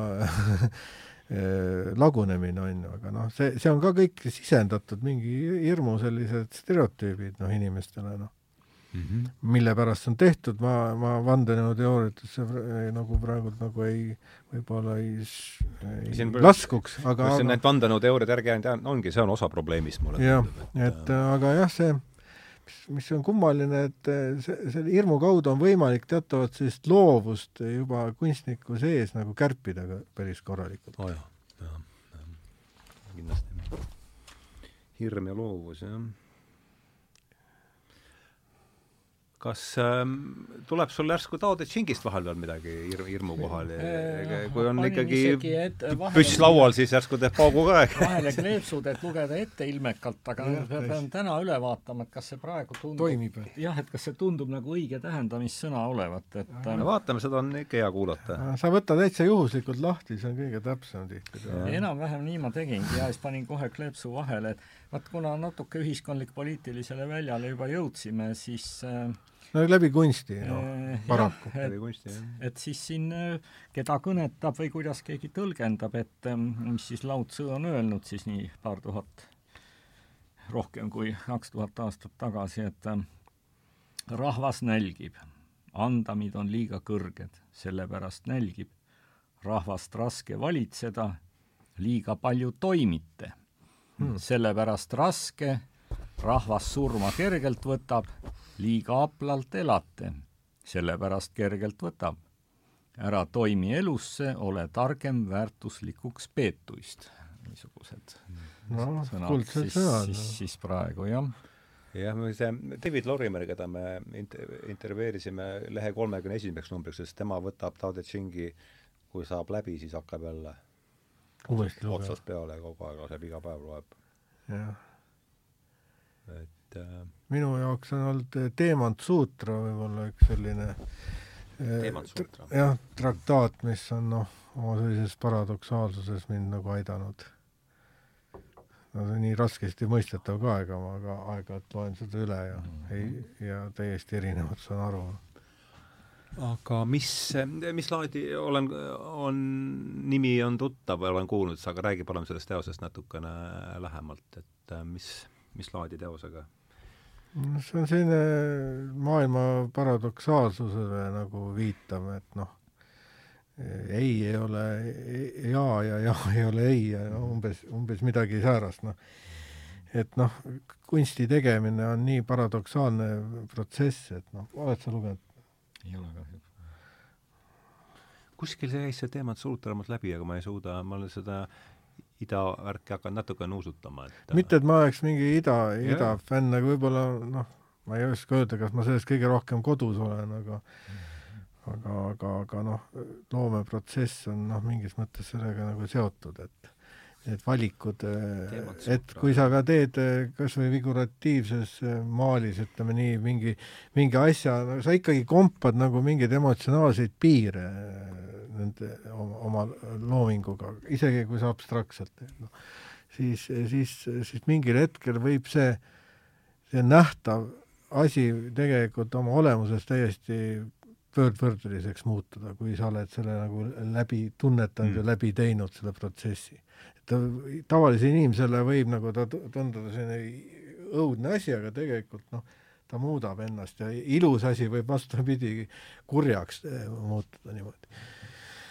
et see on võib-olla noh, kõige lihtsam minu jaoks see teemant suutru tõlgendus, noh, aga noh, seda tasuks ise lugeda aga ole hea vana, ma arvan, et see on käinud kaks, eelmises kahes saatest, aga nüüd ma, ja ma olen kirja ka pannud, aga ütle palun, mis oli see raamat, mis sa oled, eh, minu meelest oli näiteks Kreeka, Kreeka jumalatest oli mingi niisugune, mis sa hiljuti aa, Zeuse mälestused oli juba see, mis ma mainisin, jah, see niisugune tore, tore, tore mõnus, mõnus lugemine ehm,.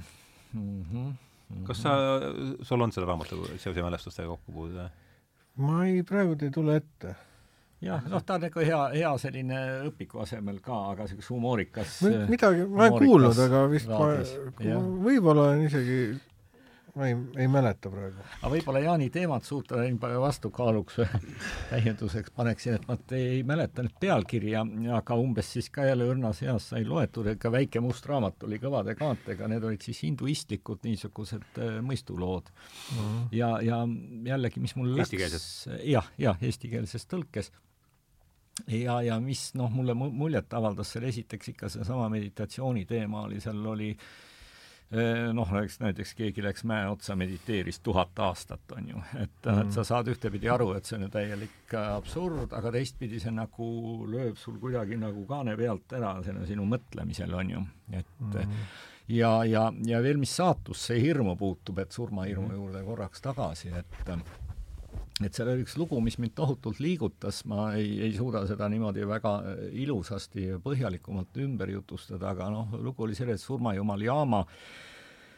üks mees pidi ära surema, noh, ta aeg oli tulnud ja, ja ta tuli tema hingele siis järele. aga selle mehe naine väga armastas teda, oli temasse väga kiindunud. ja, ja, ja, ja see naine oli ka erakordselt visa ja naine hakkas siis järel käima, et see protsess oli seal niis, kus jaama siis läks ja see mees oli tal nii-öelda piltlikult öeldes siis lingu pidi, ringu pidi kaasas, eks ole ja, ja naine käis ja argumenteeris muudkui, noh, seletas, miks ta on nii hea mees olnud ja et kuidas tal on veel nagu vaja asju teha ja, ja, ja sellel oligi happy end, et ta laskis ta selleks korraks tagasi.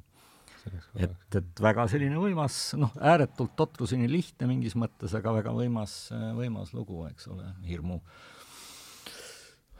Et, et ka hirmu vastu aitab mingis mõttes ikkagi südikus ja, ja järjekindlus, et noh, võib-olla võib siit väikese sellise moraali tõmmata. jah. ma ikkagi, see saatus kuidagi, kui ta juba meil siia sisse tuli, et kas sa, sain ma õigesti, ma lugesin, vist ei pannud seda kirja, aga et et kuidagi läks Kreeka peale jutt meil vahepeal, Jaan, sinuga? jah, no Kreeka tragöödias on ja. ta üks põhitegelasi ju, kõikide just. muude jumalate ja ja, ja noh, noh, ka Oidipuse kõige klassikalisem näide on ju, kuningas Oidipus, kus no Oidipus ju tegelikult ju lõpuks kõik teab ju, mis on, aga ikka toimib niimoodi. ja talle ju öeldakse kõik see ette, isegi täiesti teose alguses. Macbethis samamoodi. noh. kui nüüd sealt tulla ja, ja, ja noh, ma ise olen ennast tajunud vahest mingites eh, suhete kreek-, keerdkäikudes nagu tre-, Kreeka tra, tra, tragöödia tegelasena noh, toimimast ja ja, noh, ja kui sa sellega nagu lepid, siis on nagu noh, ma ütlen veel kord, kordan, seda hirmu ka kergem ületada, noh. aga ma arvan, et see võib-olla on ka välja mõeldud, et inimese sellist noh, lohutamatust nagu äh, kuidagi vaigistada ja noh, ütleme, budismis on ju ka üks põhipostulaate, et kogu elu on üks suur kannatus, on ju. ja, ja, ja, ja teine postulaat on, et sellest, siis on teguviisid sellest kannatusest eh, noh, kannatusest välja tulla või ületada seda, noh. kaheksaosaline tee. ja, ja siis, siis ongi, kui sa selle võtad nagu omaks, samastud sellega, siis on nagu see hirmu, hirmu tase märksa madalam, on ju et noh, nii nagu seal Tiibeti surnute raamatus, et sa samastud nende tohutu hir-, hirmsate jumaluste ja, ja, ja, ja nendega, kes sind hakkavad ära õgima elusast peast, et kui sa nendega samastud, siis sa see, see, see samastumine võib-olla ongi üks äh, võimsamaid hirmu ja. ületamise viise. jah, et kui sa oled üks kõigega, noh, siis, siis ei ole ju ka mingit põhjust hirmu tunda ju tegelikult. Seda on nagu lihtne öelda ja, ja. aga, aga noh, kui sa oled sellistes piirsituatsioonides, siis siis, siis ei ole nii lihtne sugugi. siis tulebki välja sinu, nii nagu Stalkeris on, et sa võid ju kõik mõelda väga õilsaid mõtteid, mis sa kõike võiksid soovida seal, aga aga siis lõpuks äh, tuleb välja, et sa tegelikult soovid endale mingit raha või paremat autot lõpuks. et sinu põhisoov on see, mitte, mitte palvetada või soovida mingi lähedase elu eest seal. jaa, samastumine on huvitav aga äh, jah, tekkis seos korra, natuke provotseerin siit, et Stockholmi sündroom, et eks sellel mm -hmm. asjal on küll oma varjukülg ka, et noh no,, samastumine enda, enda vangistajaga või teatud mõttes ellujäämiseks kohaldumine, et mitte äh, et pea ei plahvataks, et kuidagi ratsionaliseerida ära see olukord, et eks kas saatusega leppimisele võime seda ka mingis mõttes laiendada, et mm. kuna tegelikult midagi ja. muud selles olukorras üle ei jää, et see on lihtsalt äh, säästmaks nii-öelda, et keha ja vaim ei läheks kollapsisse, koomasse, midagi sellist. no seal tekib ka selline harjumuse jõud, et äh, kui inimene on nagu mingi väga halvaga nagu harjunud pikka aega, siis ta sellest, eh, sellest struktuurist, eh, ta ei tahagi, ei julgegi välja tulla, selleks et ta on vähemasti tuntud. jah, et eh, selles -hmm. suhtes noh, milleks, milleks on nagu meil vaja nagu restartida oma maailma nägemist, noh, ükskõik, kes teeb seda mingi psühhedeelikumidega, kes mingi meditatsiooni või millega iganes, on ju, muude praktikatega siis ta saabki aru, et noh, me oleme niivõrd mingis süsteemis kinni, mingis maailma nägemises, mis ei ole võib-olla üldse nagu ainu, ainuomane, noh. et see ongi just maailmavaade, mitte maailm. jah, et ja. tegelikult äh, nii, nii on nagu võimalik seda Stockholmi sündroomi ka nagu näha või mingit äh, Põhja-Korea elustiili tagasitulemist, et noh, on ju seal neid põgenikke, kes tulevad sinna, lähevad tagasi, noh, nad ei oskagi enam teistmoodi elada, neid on mm., neid on zombistatud äh, mingis mõttes nii palju mingi, mingi sellise stereotüübi või maailmapildi sees, noh kas võib arvata, et ka psüühikas nii-öelda kliima puhul räägitakse palju, et on need nii-öelda murdepunktid, millest enam tagasi ei saa, et kui sa sealt oled hakanud alla libisema, aga et, et tõenäoliselt ka noh, inimese teadvuse ja, ja mina ja, ja vaimse seisundi puhul võib jällegi ma praegu, see on selline võhiklik mõte lihtsalt, et, et võib olla ka neid murdepunkte, kust äh, ei ole võimalik enam, et sa peadki kas või minema, no me teame, on ju mm. retsidiivsed vangid ka, kes tahavad tagasi lõpuks sinna, eks ole, ja, ja, ja et ühest hetkest inimene nii-öelda, et ei ole enam päästetav selles mõttes, et ta peabki, peabki minema selle tsükli siis kuidagi ma arvan, siin, siin on mulle, mulle, mulle endale meeldib väga see eksoduse kujund, et sa ei saa Egiptusest otse taotletud maale, et sa pead ikkagi eh, siis sibutama kõrbes ikka ja, ja mitu, seesama tuleb see sinu kõrbe kõrbeotsijad ka tuleb siin kohe niimoodi, et, et sellest kõrbe, kõrbe aastatest ei, tõenäoliselt ei ole pääsu lihtsalt, et kui hakata oma maailma nägemisele restarti tegema, mis oli päris hea. jah, et äh, noh, ma arvan, et kunstiloome vähemalt minu jaoks ei ole mitte niivõrd nendes kaanonites olnud, olla, vaid just seda noh, enda jaoks teadvuse ja tunnetuse piire nagu just avardada kõikvõimalike asjadega ja ja, ja noh, ja siis lõpuks sa ikkagi saad aru, et mida vanemaks saad, kui raske on mingitest välja kujunenud kujunditest või värvikombinatsioonidestki välja tulla, et ja sa imetled, kui, kui paindlik ja kiire on see mingi noortekunstnike puhul. et kas nad seda teavad ja oskavad ära kasutada iseasi, aga noh, Vano võib ju seda kinnitada, et noh, oled harjunud punase rohelise kontrastiga ja siis muuta see näiteks oranži ja sinise kontrastiks on kohutavalt raske, eks, et sa, sa ei tule vaimselt sellega kaasa.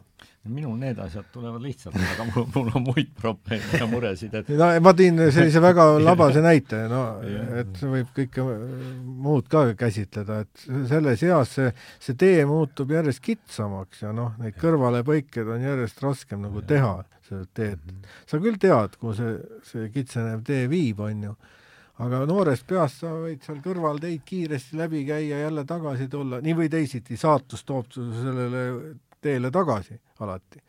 aga sa saad neid kõrvalepõikeid ja mõjutusi nagu lihtsamalt teha, kui, kui kuuskümmend pluss vanus. jah, nõus. kas ma võin siit korraks tuua nüüd tagasi selle kommunikatsiooni mõtte juurde ja kunstnike hirmude juurde, et, et üks hirm on ka see, et ähm, noh, üks asi, et olla mitte mõistetud, aga teine asi siis olla mitte meelde jäetud või märgatud ja, ja sealt me jõuame ka selle juurde, miks mõned kunstnikud, kelle käekiri, ütleme, on äärmiselt selline äratuntav, võib-olla kohati ka ühetaoline läbi aastakümnete, eks ole, et, et, et tegelikult äh, selles järjest keerustuvas äh, ühiskondlikus ja kultuurielus, kus me ju teame, et infot on üha ja üha enam, eks ole, aega on pigem üha ja üha vähem, on ju, et kuidas üldse noh, ollagi kuidagi, kuidagi märgatav, sest lõpuks viib see ju mitte ainult eneseteostuse küsimuseni, vaid ka toimetuleku küsimuseni mm., nii et äh, mingis mõttes täna me oleme rääkinud siin nagu sellistest fundamentaalsematest eksistentsiaalsetest asjadest ja, ja millestki tühjas ruumis laua taga tegelikult on nagu hea mõelda, on ju, aga et kui, kui, kui me siit väljume, siis meid ootavad taas nii-öelda teatud tegemata tööd, ülesanded ja, ja, ja suhtlemine paljude inimestega, kelle jaoks meie samamoodi oleme nagu nõel heinakuhjas üks, üks, üks paljudest, et et see võib olla ka, kuidas sa, Jaan, seda kommenteerid, et, et sina oled noh, ma saan seda siin hea meelega öelda, ilmselgelt üks Eesti kõige tuntumaid kunstnikke, mitte ainult siin, vaid ka rahvusvaheliselt, et et äh, aga noh, see kunstnikuks olemine on sellises noh, ütleme lääne individualistlikus ühiskonnas paras selline katsumus, eks siin on ikkagi rajatud sellise edu, edu printsiibile väga palju ja ja kuidas seda nagu hoida kogu aeg, see ongi see hirm, et noh mm, -hmm. et sa hoiad, üks, üks asi on see, et sa üritad siin olla mingi originaalne, aga see ei taga võib-olla sinu sellist eksistentsiaalset toimetulekut tihtipeale, eks hinnatakse hoopis mingit ei tea mida, on ju, mingeid kommertsiaalsemaid asju. ja siis sa siis peadki nagu laveerima selle vahel, et et mitte ära enda mingit sellist sõnumit või kreedot ära kaotamata ka olla nagu toimetulekuga, suuta oma peret ära toita iseennast, on ju. ja, ja siin ei ole nagu sellist kindlust, et, et noh, täna müüdsin mingi selle aastal mingi kümmekond tööd maha, aga järgmine aasta võid olla täiesti noh mm -hmm., sind, aga see on kõik mingis mõttes ka selline kultuuriline, kultuuriline kontekst, et noh, kui oleks mingis keskajas, kus kunsti tegemine oli mingi jumaliku printsiibile allutatud mm -hmm. ja, ja kunstniku isik oli võib-olla täiesti anonüümne, on ju, oli see kuidagi teistmoodi reglementeeritud, aga praegu me peame nagu ennast nagu müüma, olema nagu mingisugused äh, popstaarid samal ajal ja, ja samal ajal kavalad müügimehed ja kõike seda, see on noh, mingis mõttes äh, tekitab sellist ebakindlust ja, ja ka hirmu lõppkokkuvõttes. et noh, ma vastasin vist sulle ja,. jah, jah.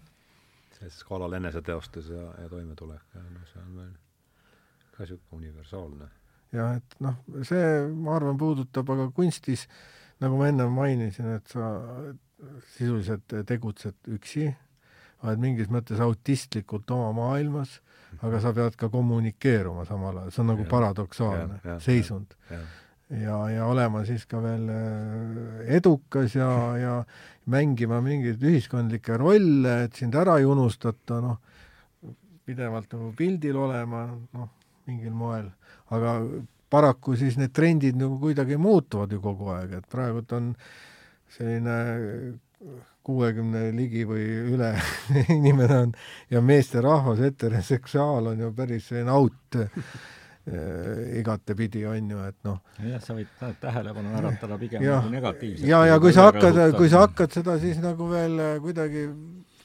positsioneerid sellelt pinnalt ennast, siis sa võid isegi viha alla sattuda, noh, mingid mingitele ringkondadele, aga aga samas ega ennast nagu vägistada sellises eas eh, on ka väga raske, noh. et sa ikkagi lähed seda kitsat rada edasi. saatuse magistraal on paigas või jah, et ja, ja, ja midagi ei ole teha, on ju, aga no hirmu sa võid tunda, tõusta kell neli üles, lähed eh, WC-sse, enam magama ei jää, on ju, tead, hakkavad kõik võimalikud hirmumõtted ka kerima ja kõik sellised eksistentsiaalsed toimetuleku asjad ja ja siis oled järgmine päev täiesti magamata ja, ja töövõimetu sellest kõigest, et noh, hirm produtseerib teatavat töövõimetust ja, ja ja nagu budismiski, noh, kui siin kasutada, et muretsemine on ju mõttetu, et noh, mm. sul ei ole vaja ette midagi muretseda, aga paraku sa selles ühiskondlikus äh, situatsioonis seda teed kogu aeg. Jah, no vaata, mina olen ka nendest budistlikest mõtetest niivõrd äh, läbi, kui ma, kui ma jah, neid nagu olen hoomanud juba noores eas, aga, aga minu jaoks on jäänud selline tõdemus sellest nagu, et äh, ennast nagu inimesena pidada siin maailmas tundub nagu õige nende järgi, aga kui sa tahad midagi luua, noh siis see tõdemus sellest, et äh, tegelikult ütleme siis nõnda, tegelikult on kõik ükskõik, et äh, et see nagu ei stimuleeri, et me jõuame mingis mõttes selleni, mis sa enne rääkisid, Jaan, sellest hirmust ja viitasid, et kindlasti on ka minul öö, omad mured ja hirmud, on ju, mida me tegelikult läbi oma loomingu siis filtreerime mm. vaataja jaoks mingisuguseks selliseks tarbitavaks, no ükskõik, kuidas me seda nimetame, asjaks. et võib-olla siin on ka üks suurim väljakutse, mis, mis üldse on, et et äh, ei ole me kumbki sellised lillede ja liblikate maalijad, et tegelikult me ei, kuidagi ei, ei pea nagu ütleme võib-olla ma jõuan sinna. See lootus muidugi. Me ei tea, mis käänakus jah ja, ja, ja, ja täiesti ka mõistes seda, et noh, et ega tegelikult nüüd ütleme, mis see kunsti funktsioon on, et noh, et ega siis paljudki mured, millest me rääkisime täna, need on üldinimlikud ja, ja osad neist on äh, toimetulek näiteks on teema noh, enamiku inimeste jaoks täna Eestis. siin ei ole midagi kunstispetsiifilist ja, ja siis võibki küsida, mida inimesed kunstilt ootavad, eks ole, et kas nad ootavad nüüd sinna juurde veel ühte seda nagu äärmiselt rafineeritud, eh, tihendatud sellist eliksiiri või ootavadki nad nüüd niisugust lihtsat laulu, kus on rõõmsad, eh, noh, rõõmsad sõnad, sellist väikest akordionipala, mille saatel võib ka hirmu vastu aidata. jalga keerutada, mis noh, teeb tuju heaks, et et et, ega see ei ole ka nagu lihtne, et ütleme siis see toode, väljendudes jõhkralt majandusliku sõnavaraga, et, et see toode, mida me pakume, on selles mõttes küllalt selline noh, komplitseeritud, eks ole, ja ta eeldab inimeselt teatud, jätame kõrvale lihtsalt selle küsimuse, et noh, kunsti mõistmine on, on ka asi, mida elukestva õppimise raames võiks omandada, aga aga et noh, et mis on see aeg ja ruum, et paljude kiirustavate inimeste jaoks, kelle päev on täidetud suurte ja väikeste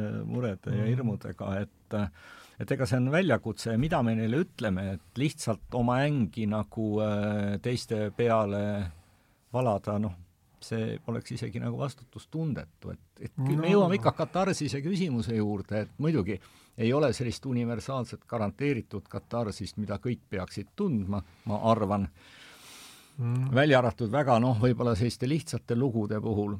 Yeah.. aga, aga, aga et selle kaudu võiks olla meie tegevus ka, ma arvan, ikkagi õigustatud, et me nagu ei too maailma kannatusi oma loominguga juurde, vaid püüame nende jaoks, kes on selles punktis parasjagu öelda midagi, mis lõpuks mõjub siis ikkagi lohutavalt, et noh, kui ma, mina mõistan seda nii, et kui ma suudan nagu oma loomingus nagu ütleme, kujund, kujundlikult ära sõnastada või näidata seda noh, mingit sellist äh, ängi, ütleme niimoodi, et äh, läbi selle võib-olla teised äh, nagu saavad ka sublimeeritud selle mm, -hmm. selle tunde, tunde kaudu. mind on vahest vastupidi, mingid sellised väga rõõmsad asjad pigem just ängistanud, et ma just näen seal sellise teemant suutra. teemant suutra just. just sellist täiesti vastas, vastase energiat, on ju, ja ja, ja ega selline noh, mingis mõttes kurnab ka see visuaalne graafomaania üsna palju, mida tänapäeva maailm tohututes massides nagu pakub, et ega on, meil on ju tekkinud teatav selline professionaalne Äh, koodi lugemise moment, et sa käid küll tohutu palju on mingis biennaalis kuskil nagu töid on ju üleval ja, ja kahe sekundiga sa saad aru, kas hakkad sellesse süvenema, hakkad ennast kurnama selle, selle loo äh, läbi või mitte, on ju, et noh, see on no, mingis mõttes selline professionaalne kretinism ka, on ju, mis on juba teatav mingi selline, mingid sellised nagu silmaklapid nägemaks, mida sa endas tahad võtta ja mida sa ei võta vastu, aga lihtsalt see vastupanu ja vastuvõtuvõime noh, kindlasti väheneb ka vanas eas. midagi ei ole sinna teha, ausalt öeldes. aga tuleb meelde nüüd oma sellest, oma saatuse magistraalilt lause, mis mind, ahah, et hirm on usupuudus. kuidas sellest aru saate? Usk tõenäoliselt kõige sellest laiemas tähendab ja mis see üldse on, et see oleks no, võib-olla üks niisugune veerand tunni jaoks, mis, kus me ajaliselt oleme. või meil on niisugune pool tunnikest. noh, ma ei tea, minu teada, minu jaoks on ma ei ole kunagi ikka olnud selline üsna provokatiivne ja avangardkunstnik kui selline olnud, aga mida vanemaks saades ma järjest enam nagu äh, olen nagu mõtlema ja jäänud eetiliste probleemide peale ja minu meelest noh, minu jaoks nagu religioosne mõtlemine on ka väga palju eetikaga seotud. -hmm. et selles suhtes äh, see religioossus, noh, kui sa suudad endasse leida, see kindlasti aitab nagu, see võtab mingi sellise individuaalse hirmu nagu mm, -hmm. vähendab kõvasti, on ju. Et paljud asjad võetakse sult see koorem nagu pealt ära, on ju antud juhul ma ei ole veel muutunud usklikuks aga, aga mida see ka tähendab üldse? Eh, jah, et eh, noh, ma arvan mida et... see sinu arvates tähendaks, usklikuks muutumine? see on hea küsimus. no sa, sa pead nagu mingisuguse, mingisugune prõks peab läbi käima, sa pead olema vastakuti mingi täiesti äh, sellise kaitsetu olekuga mm. ja läbi selle siis võib-olla tekib selline religioosne tunnetus mm. et ma arvan, et see on nagu paljuski, no ma räägin puhtalt ja, ja, täpselt. nii, nagu mina tajun, et see mind huvitabki. ta ongi ikkagi, ma mäletan, ta on ikkagi inimesele antud noh, mingiks selliseks toimetuleku selliseks juhiseks, noh, kust ta on tulnud, selleks on ju ka antropoloogilisi uuringuid nii palju tehtud, et noh, ma ei, ei ole nagu piisavalt pädev sellest kõigest, aga noh, minu jaoks on ta ikkagi mingi reeglistik, mis aitab nagu äh, nagu toime tulla inimühiskonnas või kult-, kult-, selles kultuuris konkreetselt, on ju. ja ma arvan, et ka religioon võib muutuda seeläbi, et noh, need, need äh, tänapäeval on kindlasti teadus muutunud teatavast religioosseks mõtlemiseks, et noh, mis noh, mis noh, teadus ennast kummutab ju noh, ütleme, kvantfüüsika mingis mõttes on nagu küsimärgi alla pannud Newtoni relatiiv, Newtoni eh, füüsika, on ju. ja, ja nii edasi, on ju. et ma arvan, ta on ikkagi mingi, mingi lohutus ja mingi tugi inimesele mm. -hmm. kuidas sina, Vano, seda tajud? jah, püüan ka nagu kiirelt oma peas lahutada, mul on tunne, et ma ei saa siin kõike kokku panna, et noh, üks on selline kosmogoonia küsimus, eks ole, need aspektid ja, ja teine on tõepoolest selline eetikaõpetus, et et, et minu jaoks isiklikult, mis puudutab kristlust, see oli siis Mel Gibsoni film, Kristuse film, kaks tuhat neli vist ilmus ta, Kristuse passioon, oli selliseks ja. nagu äh, no ma olin nagu tõeliselt sellest puudutatud ja vapustatud.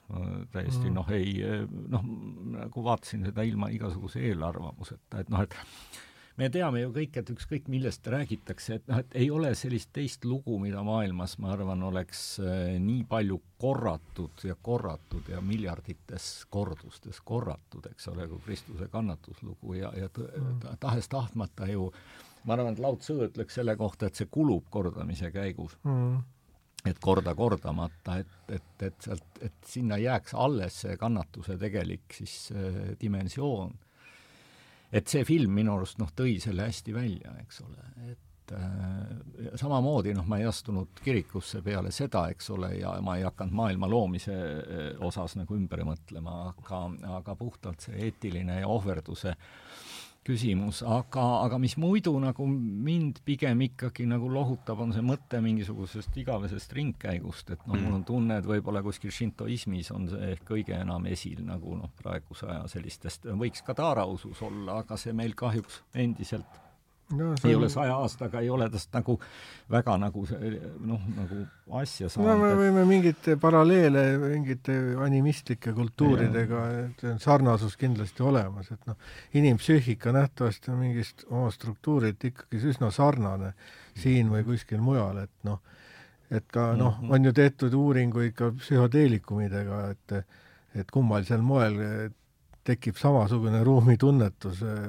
katsealustel ja mm. seda isegi on üritatud ju kaardistada, on ju, seda mm. territooriumi. et äh, veidral, ega me ei tea ju seda kõike, noh.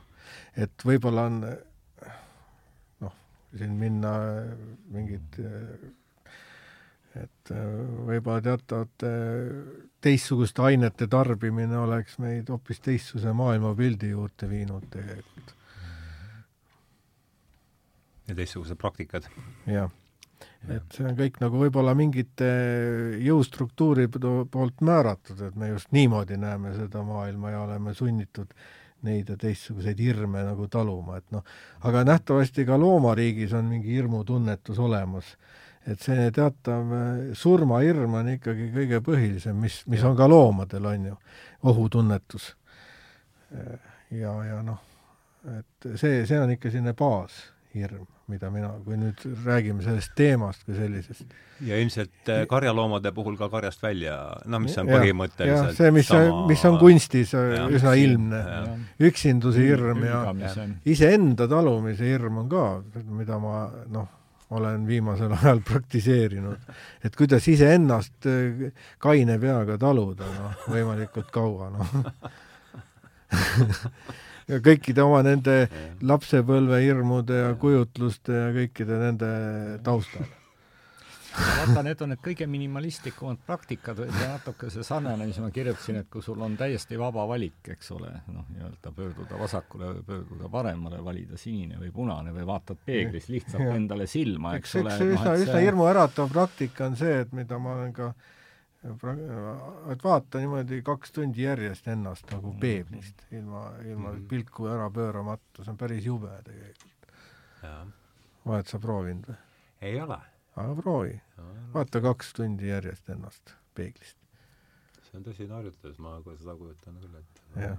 ei pruugi lihtsam olla kui mingi nädal aega kusagil pimedas ruumis. ja mine kuhugi täiesti eraldi kohta ka veel, noh noh, kus on inim, inimasustus on ära.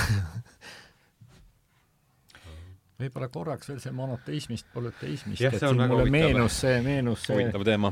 Harari äh, minu arust kommentaar või, või, või selline võrdpilt, et kus ta räägib siis nagu polüteismilt üleminek monoteismile konkreetselt siis äh, noh, Vana-Rooma näitel ja, ja, ja Kristuses, kui ta seda varasemat olukorda võrdleb küll ma ei tea, miks Pekingi või Pekingi Hiina ooperiga võtab nii-öelda selle mujalt, aga noh, viidates sellele, et see on ääretult selline kirev, kohati etteaimamatu, nagu me, kui me mõtleme kas või selle Zeusi mälestustele, et no et see, mis seal jumalate vahel toimub, et nagu see on ikka selline paras etteennustamatu selline noh, nii-öelda ihadest ja vihast kantud mm -hmm. selline protsess aga et mis siis see muudatus on, et kui me kujutame seda ette niisuguse kireva Hiina ooperina, et siis peale seda on äh, tegemist tühja ruumiga, kus äh, selline noh, niisugune põhjamaine Strindberglik, selline Strindbergi laadis selline nagu etendus, kus on kaks tegelast, inimene ja jumal.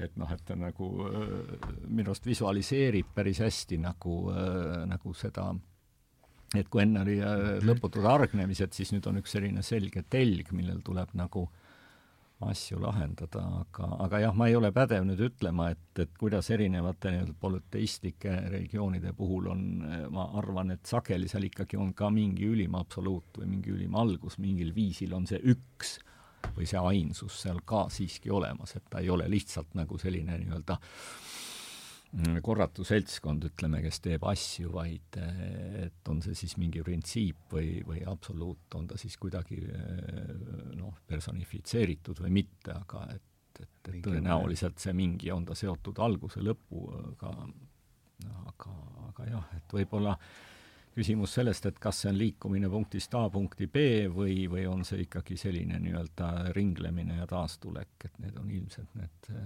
fundamentaalsed ja. põhimõttelised ja. erinevused, et kus Erinev ikkagi jah, et kas mm, -hmm. kas sulle istub rohkem nagu ikkagi selge mm -hmm. mõte liikuda punktist A punkti B või ja. pigem nagu loota, et tiirutad ringi, satud samasse kohta äh, metsas ära, eksid, ühtepidi on õudne, aga teistpidi on nagu jälle turvaline, kui satud mm -hmm. samasse kohta, et ähm, mis, kus sina oled, Jaan, jõudnud oma praeguse baashüpoteesiga, on ringlemine või on niimoodi üles mägedele? ilmselt see muutub päevast päeva, aga ei, ega ta väga ei muutu, noh ma olen praegu nagu meelega võtnud nagu mingisuguse nagu Hararigi mainib, et kõige intelligentsem oli inimene koriluse ajal, on ju mm. -hmm et ta pidi ja mida ka see kunst või tähendab, kunstintellekt ei saa nagu järgi teha, on korilase sellist eluviisi. see on kõige raskem nagu sa pead seal väga irratsionaalsete asjadega nagu arvestama. no peab metsa jõudma kõigepealt üldse no mitte ainult metsa, aga, aga sa noh, ma, ma sellepärast ma nagu harrastan ka kalapüüki mm. -hmm, nojah. et see kõik, see, see kõik nagu äh, tingib, et sa pead väga selliste imelike äh, kalapsühholoogiaga või ilmastikutingimustega arvestama ja ja, ja teatav selline üksinduses olev selline tähelepanu ümbritseva iseenda tajude suhtes on ju et noh, võib-olla on see praegu minu selline praktika. et püüad ammu kala või? no kala ma püüan jah, aga nüüd nagu, nüüd on see mul nagu selline elu, elustiili küsimus isegi ja noh, ka vastukaaluks sellisele vegandusele, mis minu meelest on teatav vandenõu inimsuse vastu. Mm. noh, see on juba pikem, teine teema, aga noh, aga, aga noh, eh, noh, ma, ma arvan, et see kõik soosib teatavat sellist heas mõttes individualistlikku elutunnetust nagu mm. -hmm. elementidega koos. jah. nii, aga meil on siin veerand tunnikest ja jällegi stopperi pealt me siin amm, aega ammugi ei võta, aga, aga mingiks orientiiriks, et oleme jõudnud viimase veerandtunnini ja ja et kuidagi nüüd mõtleme, kuidas see jutt meil kokku viia, et siin on palju teemasid, mis on olnud mulle siin läbi nende kõikide saadete südamelähedased, monoteism ja ja polüteism ja, ja Hillmani nimi käis ka läbi siit. ja tuli üks mõte, üks tema arvukatest tsitaatidest, mis on jäänud mulle pähe, pähe tiirama, et meelepõhi on poeetiline. et ähm, mina just noh, olen teinud ka siin igasuguseid igasuguseid asju, et oma, oma pundart siin niimoodi sättida ja ja mis on just, üks on olnud noh, kuidas seda nüüd siis rääkida, et et kui on pärast, pärast mingit eriskummalist kogemust mitte ei hakka kirjutama ega patrama, vaid hakata, pannakse inimesed just joonistama. et see on mulle tundunud, ma olen, mulle tundub, et noh, et see on väga kooskõlas sellega, mida, mida, mida Hilmar räägib just, just, just ütleme, psühhoteraapias, mitte et ei hakka, ei hakka oma kogemust äh, verbaliseerima tingimata, vaid kõigepealt äh, üritad selle, nii noh, täpselt nii, nagu keegi oskab, eks ma ei ole mingi joonistaja, aga aga no see on teatavate traumade ja, ja ka skisofreenia ravi puhul on see Aha. joonistumine või maal-, maalimise või loometeraapia, on ju, et äh, pannakse noh, näiteks Jackson Pollock ju läbis Aha. selle ja tõsi ka, jah? jaa, et seda ma ei teadnud. hullumajas sest ma isegi näinud äh, kataloogi nendest joonistustest ja töödest, mis ta siis seal noh, tol ajal nagu tegi siis teraapia ma ei tea, kursuse või, või mille baasil, on ju mm. -hmm. ja, ja noh, et see on kunstis ju väga levinud selline äh, sublimatiivne pingete ja, ja tungide maandamise moodus. eks see, eks see, eks see, eks see mingis mõttes ongi see kunstnikuks olemine tähendab seda, et noh, sa teistmoodi lihtsalt ei saa, et sa pead tegema, aga see, seda, seda tingib teatav selline äh, energia üle, noh, energia ülejääk või, või mingite pingete või komplekside selline summa, mis tingib seda kõike, et sa pead seda lihtsalt tegema. Mm. nii ja, nagu ma arvan, et ma mõistan Vanot, et aeg-ajalt peab sellise üsna sellise ratsionaalse administratiivse tööga tegelema ja siis öösel, öösel elab üsna sellises kaootilises vormis oma loomingus seda kõike välja, mis üle jääb sellest. ja mis pinged tekivad seal. No võib-olla on selline psühhoanalüütiline, hästi lihtsustatud. ei, ega tegelikult ju asjad ongi lihtsad, korra läks mõte jalgpalli peale, ma ei Aha. ole, ei ole suur asjatundja, aga seal on ka nii, et ühed mängivad ja siis teised on tribüünidel ja vahel nad märatsevad, et noh, tegelikult iga kunstnik sooviks ka, et publik nagu elab kaasa talle, on ju, ta leiab kontakti.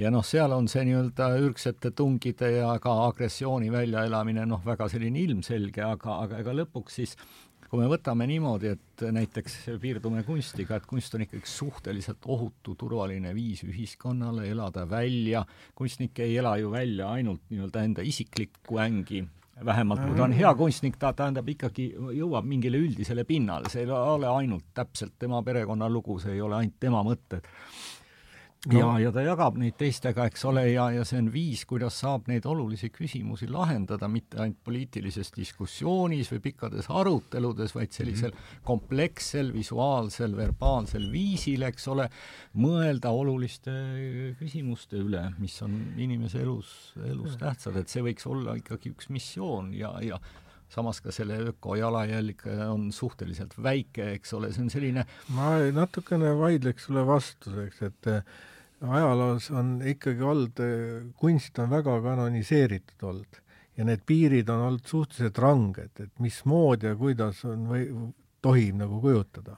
et ta on ikkagi väga tugev ideoloogiline, ta, ta ei ole noh, ta on, ütleme, see pehme, väga tugev pehme ideoloogiline relv ikkagi et noh, võtta siin sots... ja ma mõtlesin uusimat kunsti praegu, mis on aga, aga praegu on tekkinud mm -hmm. väga tugevad sellised kaanonid ka selles mm -hmm. teemade valikus ja mm -hmm. ja, ja mis teemad, noh, kui sa, kui sa hakkaksid nüüd praegu noh, tegema mingit, noh, ma ei tea, noh, vastukaaluks mingeid naiste vägistamise, noh, sellises positiivses võtmes nagu teoseid, no aga sa näitusele ei pääseks, noh. no ma ei kujuta sellist töö tegemist ette. kus sa, kus sa kägistad seal mingeid äh, naisõiguslasi või noh mm., ütleme niimoodi, noh piltlikult öeldes, kujutad neid, no ma ei usu, et sa saad kuskil näitustel nendega. no see haakub sellega, mis oli siin varem. et, et ma arvan, et see hakkab tekkima ka mingi kanoniseeritud kunstikeel paljuski, noh aga noh, sellised süütud asjad on lubatud siis võib-olla rohkem kui ütleme Nõukogude ajal, Nõukogude ajal oli abstraktse kunsti tegemine oli ju tegelikult täiesti no peaaegu et keelatud, noh. ütleme meil siin vähem, aga, aga, aga Venemaal oli see ju peaaegu karistatav. nojah, kelle töö see oli, fašist lendas üle, oli see linoollõige, see ei see oli, see ei olnud seda ma ei tea, ma tean seda algselt ten-, Teinekal oli vist see ah jah, õige, õige jah, aga jah, ei üks sarnane motiiv on jah Eesti kunstis ka muidugi, et ja, ja noh, väljaspool kaanoneid ju äh, kunstiajaloos oli väga raske üldse toimida, neid, neid piire nihutati mm -hmm. väga, väga aeglaselt. ei, ma olen Jaaniga nõus selles osas, et noh, vabaduse piirid, ega mitte ainult ju kunstis, ühiskonnas ka, need on alati väga kokkuleppelised ja need nihkuvad siia-sinna ja, ja sellel hetkel, kui nad on ära nihkunud ja enamus on leppinud sellega, siis tunduvad need olevat igavesed ja ainumõeldavad, et kunstil on loomulikult omad, omad piirid olemas, et mm -hmm jah, noh, see on nüüd jälle omaette teema. see on pikk, no see on juba selline sügavam teema, et noh, kunstikaanonitest ja piiridest ja, ja sellest võib järgmine ja. järgmine kaks tundi rääkida, et noh, et kui me jääme selle hirmu kas ma võin, mul on üks, äh, sa nimetasid enne, et meelepõhi on poeetiline, mul ja. täiesti juhuslikult on välja kirjutatud siin üks äh, siis Heideggeri mõte, mis tegelikult on Mihhail Lotmani kaudu, eh, kes ütleb niimoodi, et Heideggeri järgi on hirm seotud olemise enese aluspõhjaga, et, et võib-olla kuna mm -hmm. me mhm. täna tegelikult tegeleme ikkagi, mul tunne, üritame kaevata ütle nagu, palun see lause veel e,. nõnda e,, Heideggeri järgi on hirm seotud olemise enese aluspõhjaga mm. -hmm. ja, ja, ja Lotmani hirmu semiootika, vene kultuuri tüpoloogia viies ennast meeleollu, meeleollu tänaseks lindistuseks, siis, siis natukene vaatasin ringi ja sattusin sellise toreda, toreda teksti peale, mille esimene osa on tegelikult kultuurisemioootika ja hirmufenomeno, fenomenoloogia probleemi püstituseks, et kus ta tegelikult see on nüüd Lotman? jah, see Mihhail Lotman, et kus ta vahvasti noh, talle omasel sellisel noh, targal ja siiski mulle tundub ka võhikule päris hästi loetaval viisil neid, neid asju kaardistab, et mis jäi sealt kõrva? jah, no see viide Heideggerile jah, oligi võib-olla mm -hmm. see, mille ma sealt, sealt kinni püüdsin, et see toob meid mingis mm -hmm. mõttes võib-olla siia algusesse tagasi, et noh, üks kiusatus oleks olnud rääkida sellest süsteemide keerustumisest, mis mm -hmm haakub ka sellega, et, et, et ega reeglistikud kindlasti keskaegsel mm, ütleme, altari või ikoonimaalijal olid nad väga selgelt paigas, ma ja, usun, ja, võib-olla oli nii, et Lübeckis oli mõni asi lubatud, mis ei olnud äh, Viinis, aga, aga laias laastus olid nad noh, ühes kohas. Mm et nüüd on ikkagi neid ähm, noh, siis ka subkultuure ja selliseid nii-öelda alamüksusi, kus kehtivad veidi teised reeglid, nii palju kui üldine ühiskonnakorraldus võimaldab, on, on ju selgelt palju rohkem.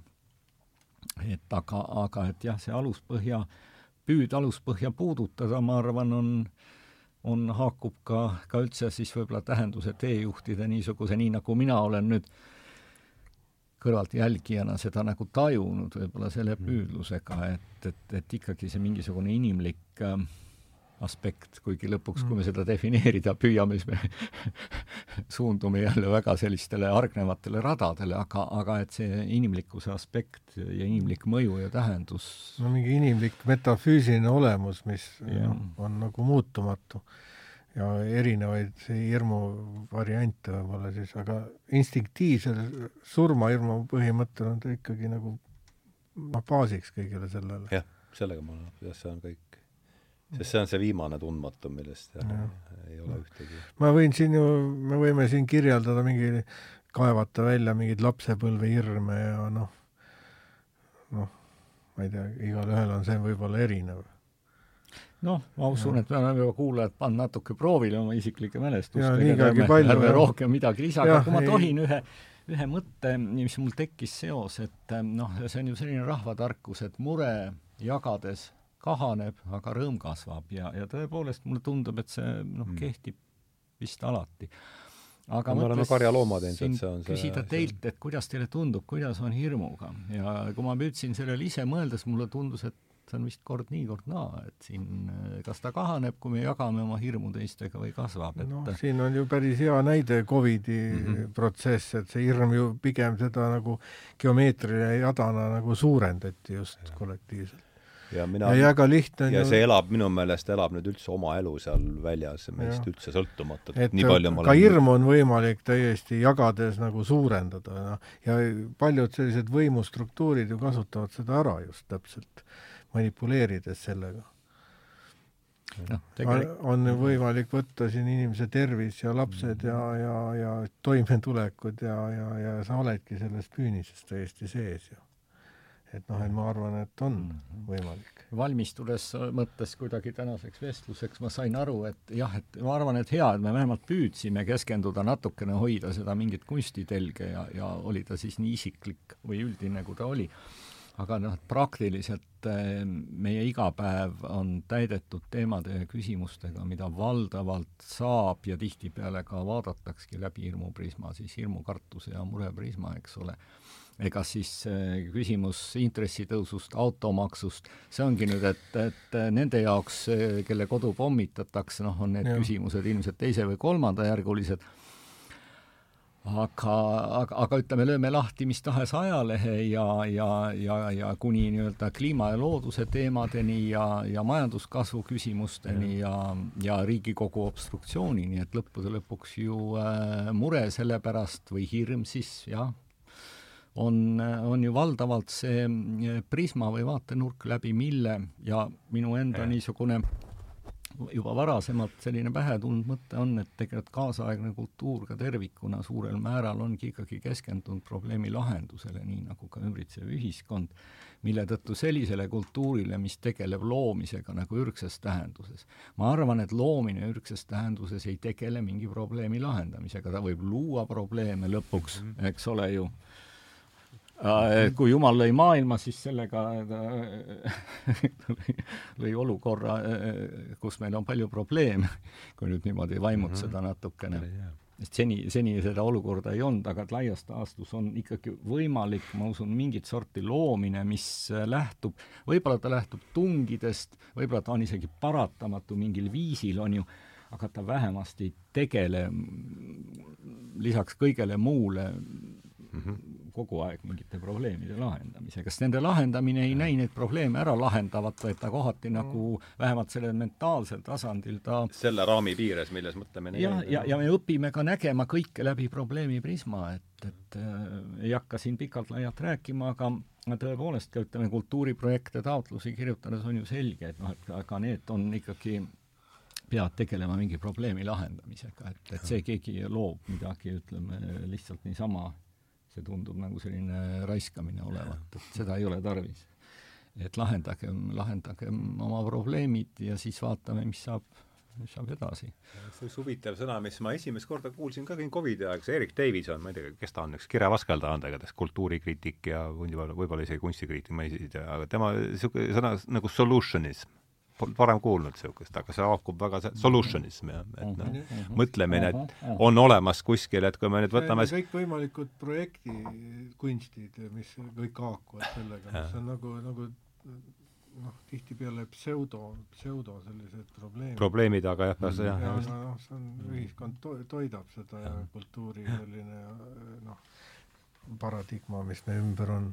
jah et sellega võib nõustuda küll, jah. jah, ja kunstiga võib-olla me saame ikkagi mingis mõttes sõgeduse, sõgeduse ja liiasuse vastu natuke võidelda selle kaudu, et me püüame juhtida tähelepanu sellele, mis meie arvates on oluline, kõik ei pruugi meiega nõustuda, ja, ja, ja, ja, ja see haakub natuke ka ühe sellise budistliku mõtteteraga, mis niimoodi mm, lihtsustatuna ja jämetakoeliselt väljendatuna on selles, et hoidu lollidest.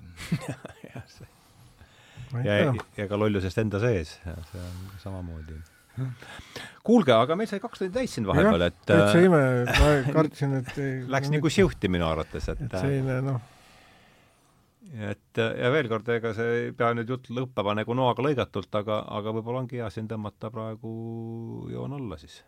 et aitäh tänastele külalistele, aitäh, Vana Alsalu, aitäh, Jaan Toomik, oli suur rõõm teiega Jaaniga üldse esimest korda oleme mm. nii pikalt äh, mm. rääkinud, et oli väga rõõm, suur rõõm ja aitäh teile, et selle kahe tunni eest, see on äh, väärtuslik kingitus äh, mulle ja, ja kõigile. no võta heaks.